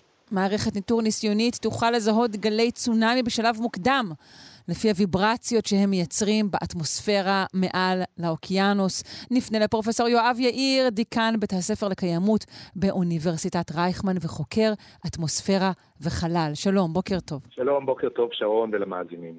אה, אנחנו יודעים שצונאמי זה עניין של שניות, נכון? כלומר, מערכת שאפילו יכולה להקדים את הידיעה בכלום זמן היא חיונית. לא, צונאמי זה דבר שמתפשט באוקיינוס במהירות של בין 700 ל-900 קילומטר לשעה, אז אם רעידת אדמה או מוקד של הצונאמי הוא בלב האוקיינוס, לפעמים יש טווח של שעות. וזה הכל תלוי במרחק של המוקד מקו החוף שעשוי להיפגע או עלול להיפגע. ולכן גם התראה של אה, כמה דקות יכולה להציל חיים, בוודאי אם אנחנו משפרים את זה אה, באמצעות מערכת כמעט זמן אמת, מה שנקרא real time, כמו זו שמפתחים בנאסא, במעבדת העיני הסילוני, בפסדינה, קליפורניה, JPL. אוקיי, okay, מה לנאסא ולצונאמי בעצם? אולי אנחנו שואלים. כן, אז הפיזיקה האטמוספרית היא די, בוא נאמר, מובנת וידועה, ופורסמו כבר מספר מאמרים, אה, שדנים בהשפעות של גלי צונאמי על ריכוז האלקטרונים באטמוספירה העליונה, ביונוספירה, בגבהים של מאות קילומטרים מעל פני השטח. כאשר יש צונאמי וזזה מסה גדולה מאוד של מים בבת אחת, זה מחולל אה, תנועות יחסיות גם באוויר שמעל האוקיינוס, והגלים הללו מתפשטים תוך דקות אה, בצורה אנכית וגם אופקית לכל הכיוונים, ויוצרים גלי קול וגלי כבידה, מה שאנחנו קוראים gravity waves, הללו מתפשטים אנכית אל תוך האטמוספירה הגבוהה, אל היונוספירה, שהיא שכבה שבה יש מוליכות חשמלית גבוהה וריכוזים גבוהים של אלקטרונים, וברגע שאתה מפריע או יוצר איזשהי גל שהוא הפרעה שחודרת לתוך היונוספירה, אז האותות של לוויינים, שבהם אנחנו משתמשים לניווט, וכאן נאס"א נכנסת לתמונה, mm. מה שנקרא ה-Global אה, Navigation Satellite System, או GNSS, שאנחנו בקיצור קוראים לה GPS ומשתמשים בה ל-Waze ולשאר המערכות שאיתן אנחנו מנווטים בחיי היומיום, אז ההפרעה הזאת יוצרת שינוי דקיק וקטן, אבל מוחשי, בסיגנלים של הלוויינים. את זה אפשר לנטר ואפשר למדוד ואפשר לפענח על פי יצירת תמונה תלת-ממדית ממספר לוויינים בו זמנית, היכן הוא מוקד ההפרעה ומה מהירות ההתפשטות שלו. למעשה זאת המערכת שנאס"א עכשיו מפתחת, היא נקראת גרדיאן, אה, אני מזהיר אותך מפני ראשי תיבות מסובכים שמתפשטים אה, ואופייניים לנאס"א, GNSS, Upper Atmospheric Real Time Disaster Information and Alert Network. נאס"א הם אלופים בזה. גרדיאן זה ראשי תיבות? וואו, אוקיי. כן, כן, כן. זו מיומנות אגב שאני אה, רכשתי ברבות השנים כשעבדתי על משימות חלל שונות, זה לדעת להמציא ראשי תיבות שישמעו כמו מילה הגיונית, אז גרדיאן זה אחת מהן, וזאת מערכת שנמצאת בפיתוח על ידי JPL, על ידי מעבד, מעבדת העיני הסילונית, כמו שאמרתי, mm-hmm. והיא מתבססת על אותו רעיון של הפרעה בזמן אמת, או בכמעט זמן אמת, לריכוז האלקטרונים באטמוספירה, מה שאנחנו קוראים uh, Total Electron Content, או TEC, וכאשר יש הפרעות ב-TEC עקב אותם גלי כבידה שמתפשטים מהצונאמי, אה, אפשר למדוד את זה ואפשר לזהות את הסיגנל, ועל ידי אה, מערכות עיבוד נתונים או מערכת מחשב, הפעם אני לא אגיד את ראשי התיבות שלה, נאס"א יכולה לתת התראה של עשר דקות מהרגע שנוצר צונאמי עד הרגע שמתקבלת התראה על התפשטותו באוקיינוס. בוא נשווה את זה למערכות התראה נוכחיות.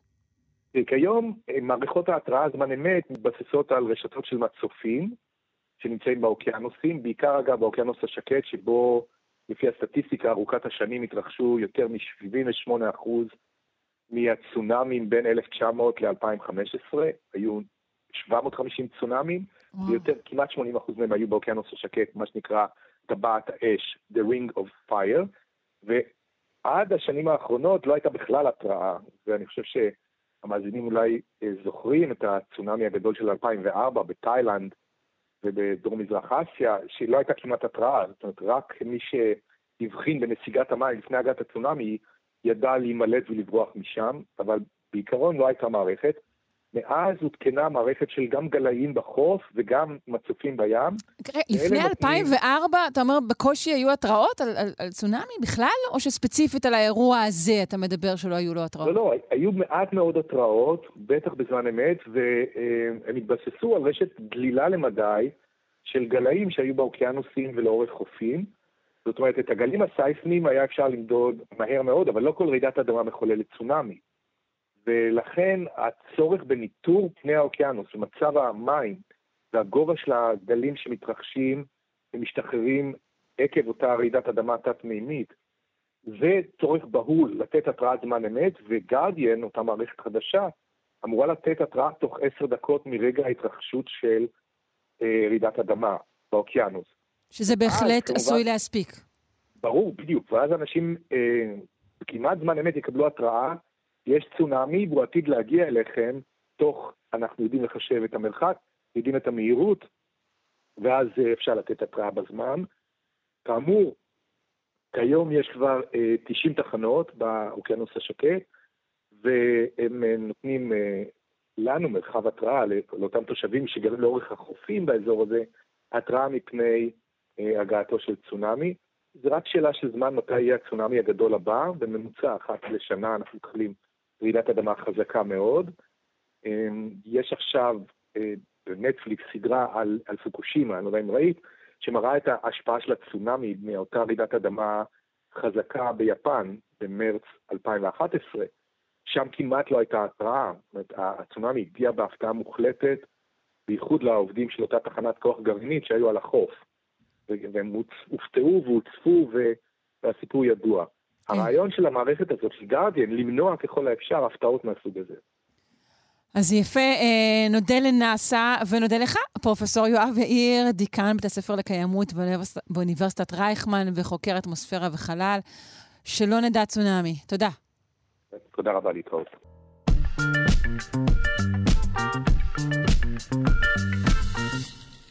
חברים, תגידו מזל טוב.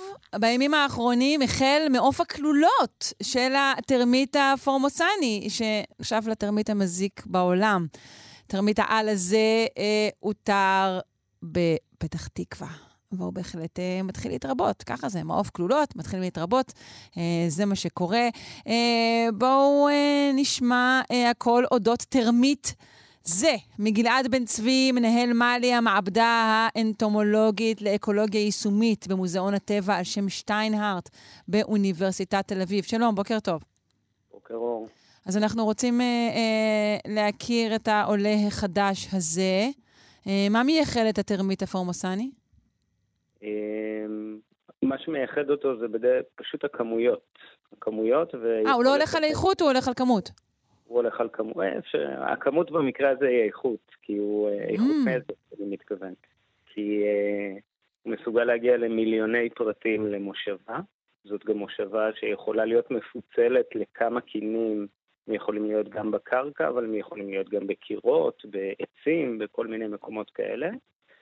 ועכשיו במעוף כלולות, מושבה כזאת יכולה להוציא, זה ממחקרים בארצות הברית, יכולה להוציא עד 70 אלף פרטים מתרבים. כל פרט כזה באופן עקרוני, כמובן יכול להתערף בדרך, יכולים לקרות לו כל מיני דברים, אבל אם הוא מצליח ומגיע, כלומר, זכר ונקבה, נפגשים, מתרבים, ומצליחים להקים כן, אז משניים כאלה יצאו שוב עוד מיליוני פרטים בהמשך. אז הכמות היא אדירה. Mm. אוקיי, אבל מה, מה, מה הנזק אה, של ה... זהו, קודם כל הדבר הכי חשוב להגיד הוא שאין איזה נזק רפואי לאדם, אין איזה נזק ישיר לאדם, הוא לא תוקף אנשים, לא עושה שום דבר כזה. הנזק הוא נזק רכוש, אבל יש לזה, יכולות להיות לזה השלכות מרחיקות לכת. בראש ובראשונה זה הנזק של כרסום. עץ וחומרים אחרים יכולים להיפגע ממנו. יש לו העדפה מיוחדת? נגיד, כאילו, רהיטים של יצרנים שוודים, להבדיל מ... צריך לבדוק את זה, אני לא יודע, אבל ב... למשל בארצות הברית הוא גורם נזקים של מיליארדים, מיליארדי דולרים בשנה, כי יש שם המון מבנים שהם מבני עץ. Mm, אצלנו mm, יש קצת פחות דברים כאלה, אז זה דווקא יתרון מבחינתנו, אבל בהחלט פגיעה ברהיטים. אבל זה רק עץ, הוא לא אוכל בטון, נגיד.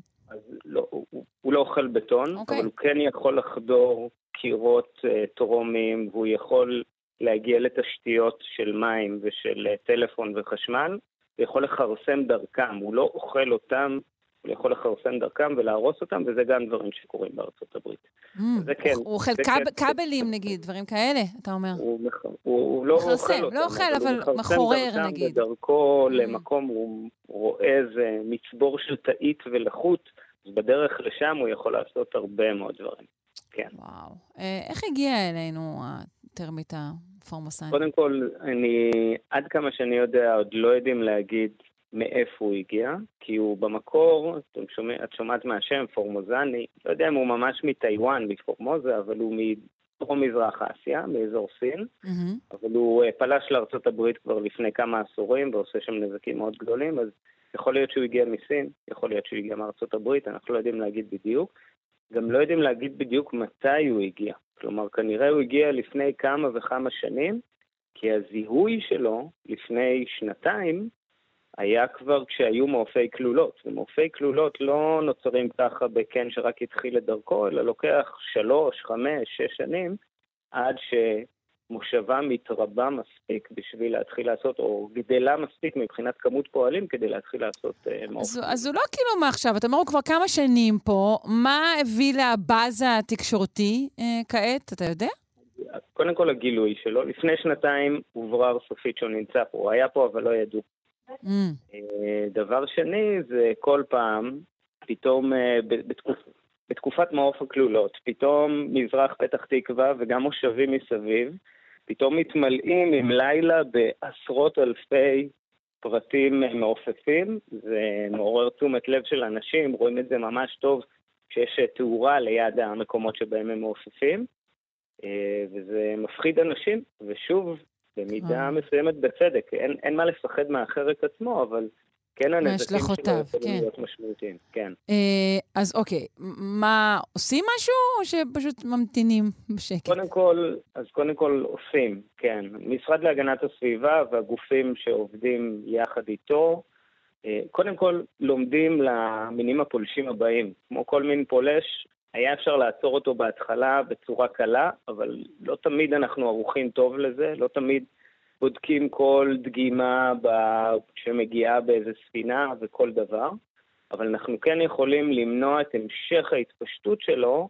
על ידי זה שבכל האזור הנגוע, שזה פתח תקווה והאזורים שמסביבה, תהיה בקרה מאוד טובה על, כלומר, לא להעביר אה, רהיטים, פריטי עץ שיכולים להיות אה, נגועים ואנחנו לא יודעים, למקום אה, רחוק, למקום רחוק משם ולא נגוע. כלומר, צריך להיזהר ולקנות אה, אביזרי עץ מהאזור הנגוע. דבר שני, מי שיש אצלו, מי שחושד שיש אצלו, בהחלט יכול לפנות קודם כל למוקד 106, בכל, גם בפתח תקווה וגם במושבים מסביב. דבר שני, לפנות למשרד להגנת הסביבה, באתר שלהם, אתם רושמים עם תרמית פורמוזי או פורמוזני, ואתם מגיעים לדף דיווח ו... אה, טופס דיווח, כי חשוב מאוד שיבואו, יבדקו, יראו שזה אכן זה. ומבחינת הדברה, בהחלט אפשר להתמודד עם זה. השיטות הקלאסיות של לקדוח בקרקע ולהכניס כמויות אדירות של אה, רעל כבר לא עוזרות כשהוא נמצא. ולכן יש היום שיטות שהן הרבה יותר מתוחכמות והרבה יותר סביבתיות גם, אה, של בעצם לשים לו פיתיונות. אז יש, שוב, אפשר לברר באתר של משרד הגנת הסביבה, ויש המלצה על מי שעושה את זה, מדבירים שעושים את זה, חומרים שמשתמשים בהם, והשיטה הזאת בהרבה מהמקרים עובדת. עכשיו, חשוב לי להגיד, הסיכויים להכחיד אותו לגמרי הם כבר קטנים מאוד. אנחנו כן. נצטרך כנראה ללמוד... זה כמו נמלת האש, זאת אומרת, זה רק הולך ומתפשט. אז השאלה איך מצליחים להפחית את ההתפשטות שלו כמה שיותר, וזה על ידי באמת אה, מניעה של העברה של חומרים חשודים בנגיעות ממקום למקום, כי ככה גם נמלת האש התפתחה. על ידי העברה של הציצים ממשתלות לצרכנים, וככה התפשטה בכל הארץ. אז בשלב הזה לפחות התרמית הפורמוזי עוד באזור מצומצם עד כמה שאנחנו יודעים. ואפשר אה, למנוע את ההתפשטות המטורפת שלו ברחבי הארץ ולהשאיר את זה רק למורפי כלולות, שמגיעים למרחק של כמה מאות מטרים ולא יותר מזה, וגם אפשר לעקוב אחריהם, כלומר אפשר mm. לזהות אותם. אז כרגע אתה אומר לא להביא עציצים מאזור פתח תקווה לאזורים אחרים? פחות זאת ההמלצה? לא יודע אם בהכרח עציצים, אני חושב שהדבר הכי משמעותי זה אולי דווקא רהיטי עץ, וגם שווה okay. אוקיי. לברר, זה לא לגבי uh, כל uh, פתח תקווה, מדובר על החלק המזרחי, אבל שוב, צריך לראות, משרד הגנת הסביבה עוקב אחרי המורפי כלולות, ואז יודע להגיד איפה הם כבר נמצאים בעצם. אבל הדבר החשוב, כמו שאמרתי, הוא דיווח, אה, ושוב, מי שיש לו ומי שמתברר שיש לו, בהחלט רצוי לעשות הדברה, אבל אני ממליץ על הדברות בשיטות היותר מתוחכמות והיותר סביבתיות, הן גם מביאות לתוצאות הרבה יותר טובות. יפה. תודה רבה לך, גלעד בן צבי, מנהל מאלי, המעבדה האנטומולוגית לאקולוגיה יישומית במוזיאון הטבע על שם שטיינהארט באוניברסיטת תל אביב. יום טוב. יום טוב, תודה.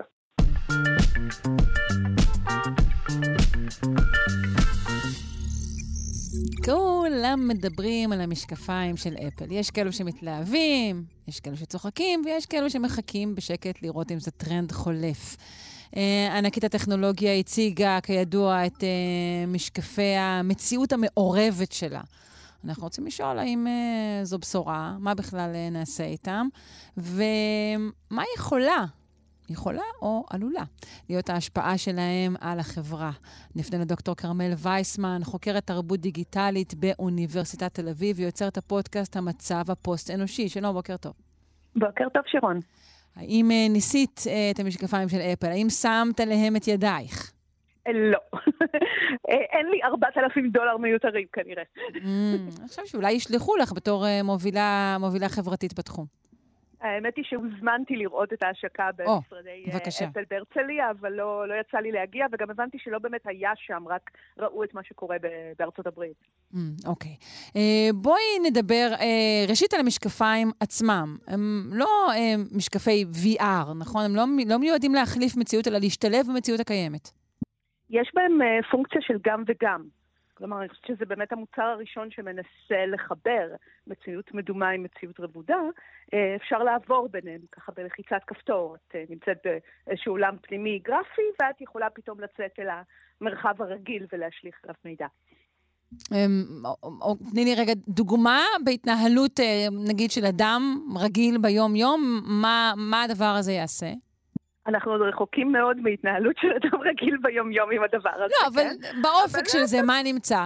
כן, בואי נגיד, אני נמצאת ככה בתוך, אני משחקת משחק, אני בתוך סביבת גיימינג, אני יושבת בסלון עם המשקפיים על העיניים ורואה את מה שיש בפנים, אבל פתאום מישהו ניגש אליי לדבר איתי. נגיד ילד שעשיתי יכולה... לפני אה, כך וכך שנים, כן. בדיוק. אז יש שם איזו פונקציה אוטומטית גם ממה שאני מבינה בהשקה, שבעצם ברגע שמישהו מתקרב לך לפנים, זה מעביר אותך לראות את, ה, את המציאות הרגילה ושיש משהו להתייחס אליו מול העיניים. אה, אבל זה לא מבטא לחלוטין עדיין את הרקע, נכון? זה מייצר איזשהו תמהיל? אני, אני חושבת שכן, זאת אומרת, אני לא בטוחה במאה אחוז איך זה עובד.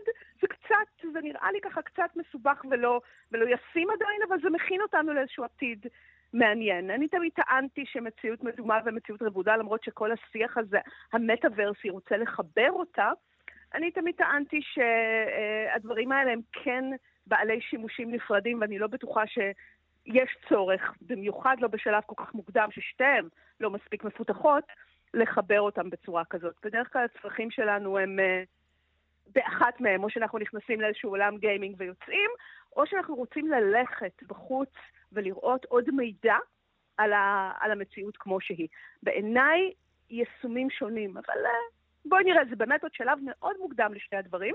עצם זה שאפל היא זאת שמפתחת את זה, זאת, זאת השאלה, האם זה יהיה כמו האייפון, האם זה באמת יצליח uh, להתפשט כמו איזשהו ממשק חדש שכולם יאמצו וזה יהיה הדור הבא של הפלטפורמות, שוב, אני חוקרת אקדמיה, לא אה, נביאת תעשייה, אבל ממה שאני מכירה אנשים, אני חושבת שההצלחה של האייפון הגיעה בגלל שאנחנו כבר עשינו את זה, וכבר היה לנו צורך כזה. אנשים הלכו ברחוב ולא הצליחו להגיע לאינטרנט, והם רצו. היה לנו בלקבריז, אם את זוכרת כל מיני דברים כאלה, כל מיני דברים מוזרים שהיינו צריכים להקיש כדי לראות איזה אימייל או איזה כתובת אינטרנט, ופתאום בא משהו גרפי שנתן לנו את האינטרנט on the go, היינו כבר צריכים את זה. את המציאות המורחבת הזאת, אני לא חושבת שאנחנו צריכים עדיין, זאת אומרת, אין שם, לא רואה איזשהו יישום כזה שאנשים אומרים, וואי, הלוואי היה לי פה ככה וככה וככה, כן? אז אני לא בטוחה עדיין, אני חושבת שזה עוד מוקדם, אבל לכי תדעי. כלומר, את אומרת שכרגע עדיין, אה, בוא נגיד מבחינת, נגיד מבנה האישיות במבנה החברתי שלנו, אנחנו עדיין יותר בנויים להפרדה מוחלטת בין עולמות של משחק אה, ובידיון, לצורך העניין, לבין אה, החיים הפיזיים? בינתיים. למרות שבעיניי זאת כן המהפכה הבאה. מדברים עליה הרבה זמן, יש כל הזמן כל מיני דברים קטנים, אבל אני אגיד לך, אני, אני עונה לך כאנתרופולוגית, פשוט, כן, וכאנתרופולוגית, כן. אני מסתכלת על תופעות בשוליים וחושבת איך, בדרך כלל תופעות שוליים הופכות להיות מיינסטרים. ולכן הדרך שבה אני צופה את העתיד במרכאות, זה להסתכל על איזה דברים כבר הצליחו בשוליים. וממה שאנחנו רואים בשוליים לגבי מציאות כזאת, אז קודם כל אנחנו רואים שלא משנה מה עשו, אה, מה ניסו להכניס לאנשים בצורה עסקית, להיכנס למציאות מדומה, זה לא עבד. מה, שעבד, מה שעובד... כלומר, אנשים אפילו גם עוד לא עושים ישיבות מרובות משתתפים עם, עם משקפיים, נכון? זה לא קורה כל החזון הזה. בדיוק, ממש לא. זאת אומרת, מה שקורה ומצליח באמת זה גיימינג. ויכול להיות שבאמת זה יישאר בעולם גיימינג ועולמות פנטזיה, ועולם הגיימינג הולך ומתרחב. זה לא רק איזה עסק שולי של כמה ילדים. אז יכול להיות מאוד שזה כל מה שיהיה לנו צורך ב, במציאות מדומה. מציאות רבודה זה סיפור אחר. ואפשר אולי לדבר על זה שבמקביל, ולפני אה, אפל, לפני חודש בערך, אה, חברה ישראלית בשם Sightful השיקה את הלפטופ הראשון בעולם, שהוא לפטופ ללא מסך, הוא בעצם לפטופ עם משקפיים של מציאות אה, רבודה. והחוויה של זה, זה בעצם לשים משקפיים על העיניים ולראות את כל המסכים שלך. לפתוח לך המון מסכים, ככה לגעת בהם כמו באוויר, כמו במסך מגע, קצת כמו אה, החזון הזה של Minority Report. כן, כן, היה... בדיוק, כמובן. זה עדי... לא יאומן שזה עדיין מה שחקוק אה, בדמיוננו נכון, כשאנחנו מדמיינים דבר זה, כזה. זה בכלל, כן, זה סרט מדע בדיוני שבכלל כאילו לא היה, אה, זה היה סרט מיסטי, כאילו, הם חזו שם את העתיד של הפשעים לפי כן. כל מיני מיסטיקנים באמבטיה, אבל מה שאנחנו זוכרים זה את חוויית המסכים, נכון. שטום קרוז נגע בהם, וזה מה שאנחנו עדיין צריכים uh, במציאות. אז אני חושבת שאם אנחנו מסתכלים על הדברים האלה יחד, כן? יכול להיות שזה אומר שככה יש פה משהו, אנחנו עושים במקביל גם צעד לכיוון העולם של מציאות רבודה, כשלמציאות רבודה יש יותר פוטנציאל, כי הוא לא מנתק אותך מהעולם. אנחנו הולכים בעולם, וזאת דרך בעצם כמו עם האייפון, אז שהוא נתן לנו את האינטרנט on the go, אז זאת דרך בעצם לקבל עוד מידע, שבדרך כלל יש לך רק באינטרנט. בתוך המציאות את הולכת, את רואה בן אדם, הוא נראה לך מוכר, את לא יודעת מי זה. אבל את יכולה בשנייה, במקום עכשיו אתה תוציא טלפון, תתחיל לגגל, תיזכרי כן, בתמונות. כן, טוב, זה באמת דברים שאנחנו רואים, אני חושבת, בזיכרון גורלי, לא, בשליחות קטלנית, ואפילו, אני חושבת, אפילו, אני הולכת הרבה אחורה, אפילו אולי לסטיב אוסטין. כן, כאילו ששולף לך את המידע על כל אדם או כל דבר שמולך. אלגוריתם זיהוי פנים שלו, ושולף כן. לך את השם, ושולף לך בפעם האחרונה אולי שראית אותו. איפה נפגשתם פעם האחרונה? ואת יכולה לדבר איתו, או במקומות, את יודעת, אני חושבת שיש שם... אה, זה יכול להצליח בגלל שזה מאפשר ל... אה, לתת לה חוויה צרכנית בקסטומיזציה. זאת אומרת, כל מה שיש לנו היום באינטרנט יכול להיות בחוץ ולהרחיב את המציאות. באינטרנט יש לך קסטומיזציה, יש לך, אה, מנסים לתפור לך ככה איזושהי פרסומת בצורה אישית. מוכרים לכל אחד לפי אה, תמונה אחרת, או איזשהו כן. clickbait אחר. אז תארי לך, את הולכת... כאן זה יורחב מאוד, זה יורחב בדיוק לאיפה שאני נמצאת, לאיפה שפניתי, לאן שהסתכלתי. כן, אבל לא רק, את נכנסת לחנות, את מסתכלת על יוגורט, את רואה אותו אחרת, היוגורט ככה קופץ לך כמו איזה הולוגרמה, או מראה לך, יש שם איזה אנימציה שמושכת אותך לקנות אותו לפי מה שמעניין אותך. אם תסתכלי דרך משקפיים של מי שעומדת לידך, את תראי משהו אחר, תראי את היוגורט בצורה אחרת. זאת אומרת, יש כזה ממש יש פה אפשרויות מאוד מאוד מעניינות כשזאת תהיה המהפכה. יפה שאת אומרת מעניינות, אני אה, בעיקר מסתמררת אה, באמת לחלחבה על השימושים הפרסומיים אה, שיהיה לדבר כזה. אני מתנחמת בשיקום המסוים של, אה, של חוליות עמוד השדרה באזור העורף, שאולי אה, הדבר הזה יביא איתו, שכן אנשים, כן. אנשים אה, לא יהיו רכונים כל הזמן. זה יכול כן, להיות. תראי, אה, אני חושבת שהנה, אם אמרנו קודם על ה... על זה שאני מסתכלת uh, על דברים שהצליחו בצדדים בתור מחשבה לעתיד, אז דווקא היישום שהכי הצליח של מציאות רבודה עד עכשיו, היה משחק פוקימון גו דרך הטלפון. בדיוק על זה אני חושבת. לזה מדובר באמת בהמצאה אדירה. לפוקימון גו זה באמת מדהים. אז הנה, תחשבי באמת שזה כאילו, זה לא... פה זה באמת לא רק עניין של משחק. המשחק הזה העלה כמה סוגיות ממש ממש מרתקות, שאנחנו יכולים לראות מה יקרה אם כן. יהיה לנו מציאות... אם העולם יהיה כמו זה, כמו ששאלנו, וואו, מה הילדים האלה עושים אחרי מה הם רודפים? כך תהיה המציאות שלנו אולי? הדמיון שלנו בעצם מושלך על המציאות. אנחנו נראה, כל אחד יראה דברים אחרים או דברים משותפים במציאות שלא קיימים שם. אבל אה, אני חושבת שאחד הנוש, הנושאים המעניינים שזה העלה בזמנו, זה את הבעלות על המרחב. בעצם תחשבי שנוצר לנו עוד מרחב. במרחב הגיאוגרפי, במרחב הפיזי, יש בעלות מאוד ברורה. כשאת נכנסת לבית כנסת, מאוד ברור לך איך את צריכה להתנהל כאן. יש פה בעלות על החוויה, והחוויה כאן היא מקודשת. אבל אם מישהו החליט, ואפשר להחליט, שבמפה של העולם, אני תוקעת uh, בתוך הבית כנסת uh, uh, מסיבת פוקימונים, ואנשים באים ונכנסים לחלל הבית כנסת כדי לתפוס פוקימונים ולרקוד עם פוקימונים. Mm. אז האם מותר בכלל? זאת אומרת, יש פה לדרוש שכבה חדשה של משטור, אני חושבת. בדיוק. ו- ולמי היא שייכת? האם היא כן. שייכת כן. לכל אחד, או שהיא שייכת לבן אדם ששם, ש- שיש לו את הטריטוריה שמסומנת על המפה? זאת אומרת, זה פותח לנו הרבה הרבה דברים מאוד מעניינים כשזה יהיה, כן. ואת זה כבר ראינו דרך uh, פוקימון גו. זה גם זה, וגם אני חושבת שבעולם שעסוק כל השנים האחרונות, אה, גם באמת בכיתוב של נקודות המבט, אה, מה שאנחנו מכנים, זאת האמת שלי, וגם באמת בשאלות של פוסט-אמת, באמת, אז יכול להיות שהם, שהם משקפיים של מציאות רבודה רק יחריפו את המצב הזה. באמת, באמת המציאות לא תהיה זהה אה, עבור כל האנשים. לגמרי, וזה יכול להיות לטוב ולרע. את יודעת, הרבה זמן חשבתי על איזשהו פתרון כזה לכל הסכסוכים שלנו כאן, פשוט לשים במקום אחד ה... אה, הבניינים או השטחים שכולם רבים עליהם מסך ירוק, וכל אחד יבוא ויראה שם את מה שהוא רוצה ויהיה מרוצה ויתפללו כתף אל כתף, אה? שלום עולמי? כן, זה באמת פתרון מעניין, אבל זה קצת דומה לפתרון, אה, נגיד, של המוות. נגיד, כשנהיה מתים לא יהיו לנו בעיות בכלל גם כן. זה לא באמת פותר את הבעיה, זה רק יוצר איזושהי אשליה. כלומר, אם אנחנו מוותרים על המציאות הפיזית, אז כמובן שבמציאות הפיזית, אה, את יודעת, הבעיות שלה לא משנות לנו יותר. אבל צחוק בצד, זה באמת חלק מהפוטנציאל של מציאות מורחבת. טיפה לערער את הקביעות, את הקיבעון הזה של המציאות הפיזית, ויכול להיות שזה מערער את ההאחזות גם בפיסות אדמה, במקום ספציפי, כשאפשר לעשות לכל דבר קסטומיזציה, דברים שהתרגלנו שהם פיקסט, כמו הגוף שלנו או האדמה, יש בזה גם פוטנציאל מעניין. נכון, יש לזה פוטנציאל רוחני, אבל באמת, אה, מכיוון שאנחנו, את יודעת, מורגלים בכך ש, שתאגידים וחברות פרסום משתלטים על פי רוב על המרחבים האלה, אני לא יודעת כמה רוחני זה יהיה בסוף. יפה. אה, איך אומרים? נחיה ונראה. דוקטור כרמל וייסמן, חוקרת תרבות דיגיטלית באוניברסיטת תל אביב, ויוצרת הפודקאסט המצב הפוסט-אנושי. תודה רבה. תודה. ביי.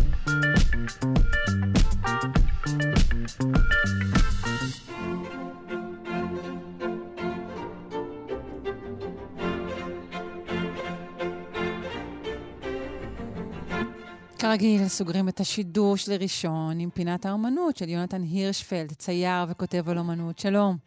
בוקר טוב, שרון. בוקר אור. אני רואה קצת בשיחה של עכשיו איזשהו המשך של השיחה על משקפי המציאות של אפל. לא יודעת. ממש. נכון? יש ממש. בזה משהו? לגמרי, לחלוטין. אוקיי. אני אגיד לך בוא, משהו. כן, בוא נספר על הציור, כן. רגע, שנייה. אני רוצה להציג אה, שלוש זוגות של בעלי חיים, בסדר? אוקיי. צבוע ואריה, סנאי ועכבר, עטלף ויונה.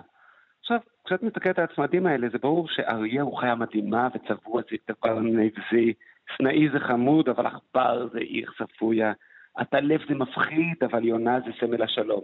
אבל בעצם למה? יונות מביאות מחלות יותר גרועות מהטלפים, והאריה הרבה יותר מסוכן מצבוע. למה? אז זה כאילו זה עניין שיש לנו איזו העדפה אסתטית לבעלי חיים שהופכת להיות עמדה מוסרית כלפיהם, עמדה אסתטיקה הופכת לאתיקה. סנאי זה חמוד, אז הוא כאילו טוב, ועכבר פחות חמוד, אז הוא רע. אז אני חושב שזה קשור למשקפי מציאות האלה, mm. שאתה מרכיב אותם גם כשאתה לא מרכיב משקפיים של אפל, אתה מרכיב משקפיים של אידיאולוגיה, שהאסתטיקה מכתיבה אה, עמדה מוסרית. והתכלית שאנחנו מסתכלים עליו הבוקר, תרדמת התבונה של גויה מ-1798, אולי בעצם אחד הדימויים האיקונים ביותר, פתח סוגריים, איזה כישרון היה לגויה לייצר אלף דימויים איקונים ביותר, סגור סוגריים. אחד הדימויים האיקונים ביותר בתולדות האומנות, מין סמל כזה שהפך לטישרטים, ואת יודעת. כן, רגע, טכנית זה, זה, זה תחריט או, או שזה ת, תצריב? זה אקוואטינטה, עושים את זה על ידי זה שמטפטפים בעדינות מהאוויר אה, שרף אורנים על לוח מתכת, ואז שורפים אותו מלמטה לייצר טקסטורה מגורענת עדינה כזאת. ואז את הדימוי עצמו עושים בזפת, ומכניסים לכיור אה, עם אה, חומצה, וצורבים קצת, ומוצאים קצת זפת וצורבים שוב, וככה שולטים בגוונים, ומייצרים באמת, אה, גויה הוא אולי הגאון המוחלט ביותר של הטכניקה הגרפית, של האומנות הגרפית. זה מטורף, מה שתיארת עכשיו בתור מהלך יצירה, אבל אוקיי. ממש, ממש, אין לתאר. גויה הוא באמת אולי גדול האומנים הגרפיים בתולדות האנושות. והתכליתים שלו, תכליתי השיכאון, תכליתי המלחמה, הם כמובן מהמפורסמים ביותר. אז בוא נתאר רגע למי כן. שבמקרה אה, אינו מכיר את ה... אה, יש מישהו שלא מכיר, בקדמת כן. הקומפוזיציה ישנו שולחן שעליו נרדם אדם, האדם הזה מסמל את התבונה, ומאחוריו מפלצות, ינשופים, עטלפים וחתול. אה, רגע, מה מפלצות? זהו, אתה אומר מפלצות, כי ככה זה גם נקרא, אבל אני מסתכלת על העבודה עצמה, ינשופים וחתולים זה חמוד, זה כזה, סם, זה, לא יודעת. לגמרי, אני חושב שקויה עשה לנו פה תרגיל, הוא כותב בתרדמת התבונה מתעוררות המפלצות, ואז אתה חושב, אה, מטאפורה על הנאורות, התבונה נרדמת, אה, אה, כן, שלטון תבוני, פוליטיקה תבונית, כלכלה תבונית נרדמת, ואז מתעוררות המפלצות, רודנות, פשיזם, אתה מסתכל, וואלה, לא כאלה מפלצות. וגויה ידע לצייר מפלצות כשהוא רצה, נכון? זה לא שהוא פה התבלבל. ברור, אלוף העולם במפלצות. אז מה קורה פה בעצם? מה שקורה פה זה שגויה רוצה להגיד לנו, תראי, יש של, כמה פרשנויות קלאסיות. אז הפרשנות הקלאסית היא שזה הנאורות, ואתה ישן מתעוררות מפלצות. רגע, רגע, רגע, שטויות. אתה אומר את זה ככה, זאת אומרת שמה שרוב הפרשנים אומרים זה שכשהאדם מכבה את, ה, את ההיגיון, את הנאורות, אז מתעוררות כל המפלצות של, של כן. הדמיון, של הנפש? אוקיי. אוקיי. ואז יש פרשנות הפוכה, כי גויה הוא לא רק אומן של הנאורות, של ה Enlightenment, הוא גם אומן של הרומנטיקה. נכון. אז יש פרשנות שאומרת, בוא נקרא את זה רומנטי.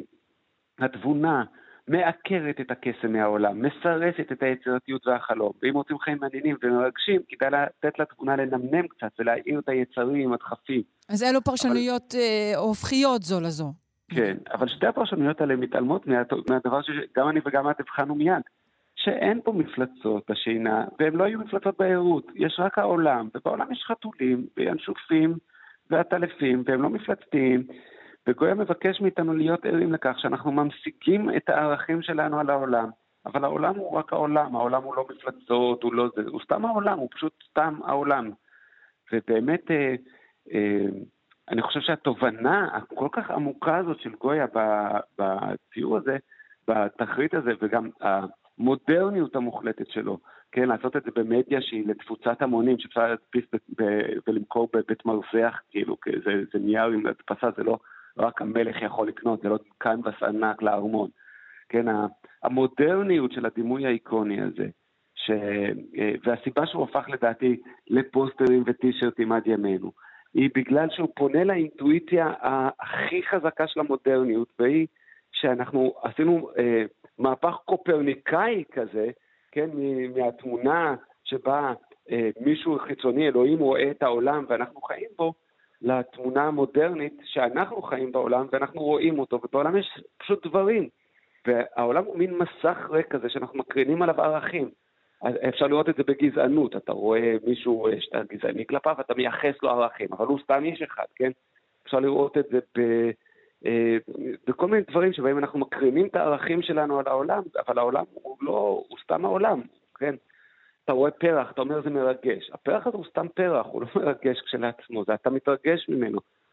לא, זה יכול להיות גם סך כל, אה, אתה יודע, האנשים שהתרגשו מהפרח עד עכשיו, שבעצם מצוי בתוך הפרח האחד הזה.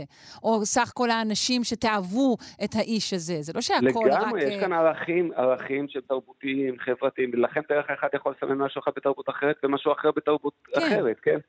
כי אתה פשוט... ובאמת, גויה מצביע על זה כל כך יפה פה עם הדבר הזה שתרתם את התבונה, מעוררת מפלצות, אז אתה מסתכל, אתה אומר, בואנה, זה חתול. כאילו, זה חתול. זאת אומרת שבעצם גויה רצה לתעתע בנו. בעת, הוא, רצה להעיר לנו, הוא רצה להעיר לנו את האופן שבו אנחנו רואים את העולם דרך משקפי אה, מציאות אה, גוגל אה, שנקראים אידיאולוגיה.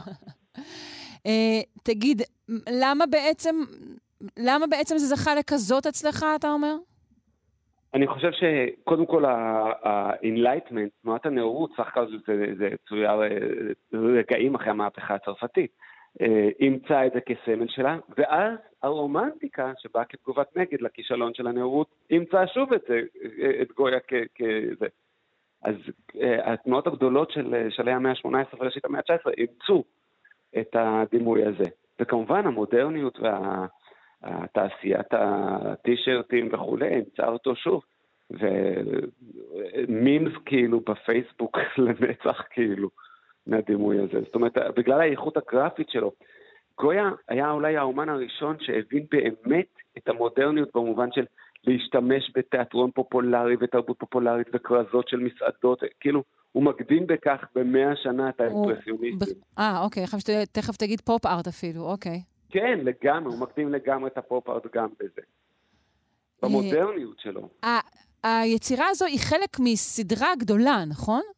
כן, היא החלק והשיא של הקפריציוס, של השיגועים, אני לא יודע איך לקרוא לזה, הקפריזות, שהיא באמת פסגה של מודרניות, שבה באמת אנחנו רואים את החלומות, הזיות, השטויות.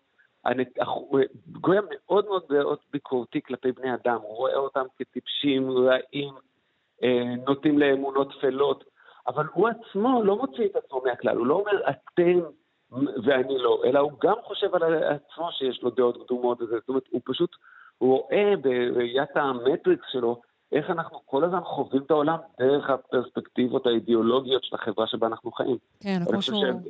זה, זה, זה הלב של התכלית המהמם הזה. אה, כמו שהוא תיאר את אה, כל הסדרה, הוא אמר שהיא מתארת את מעשי האיוולת והטיפשות הרבים מספור, או מעשי המרמה והשקר, שההרגל, הבורות והאינטרס האישי הפכו לדבר שבשגרה. אמת. יפה. אני, מודה לך מאוד. יונתן הירשפלד, צייר וכותב על אמנות. המשך שבוע טוב. גם לך, ביי.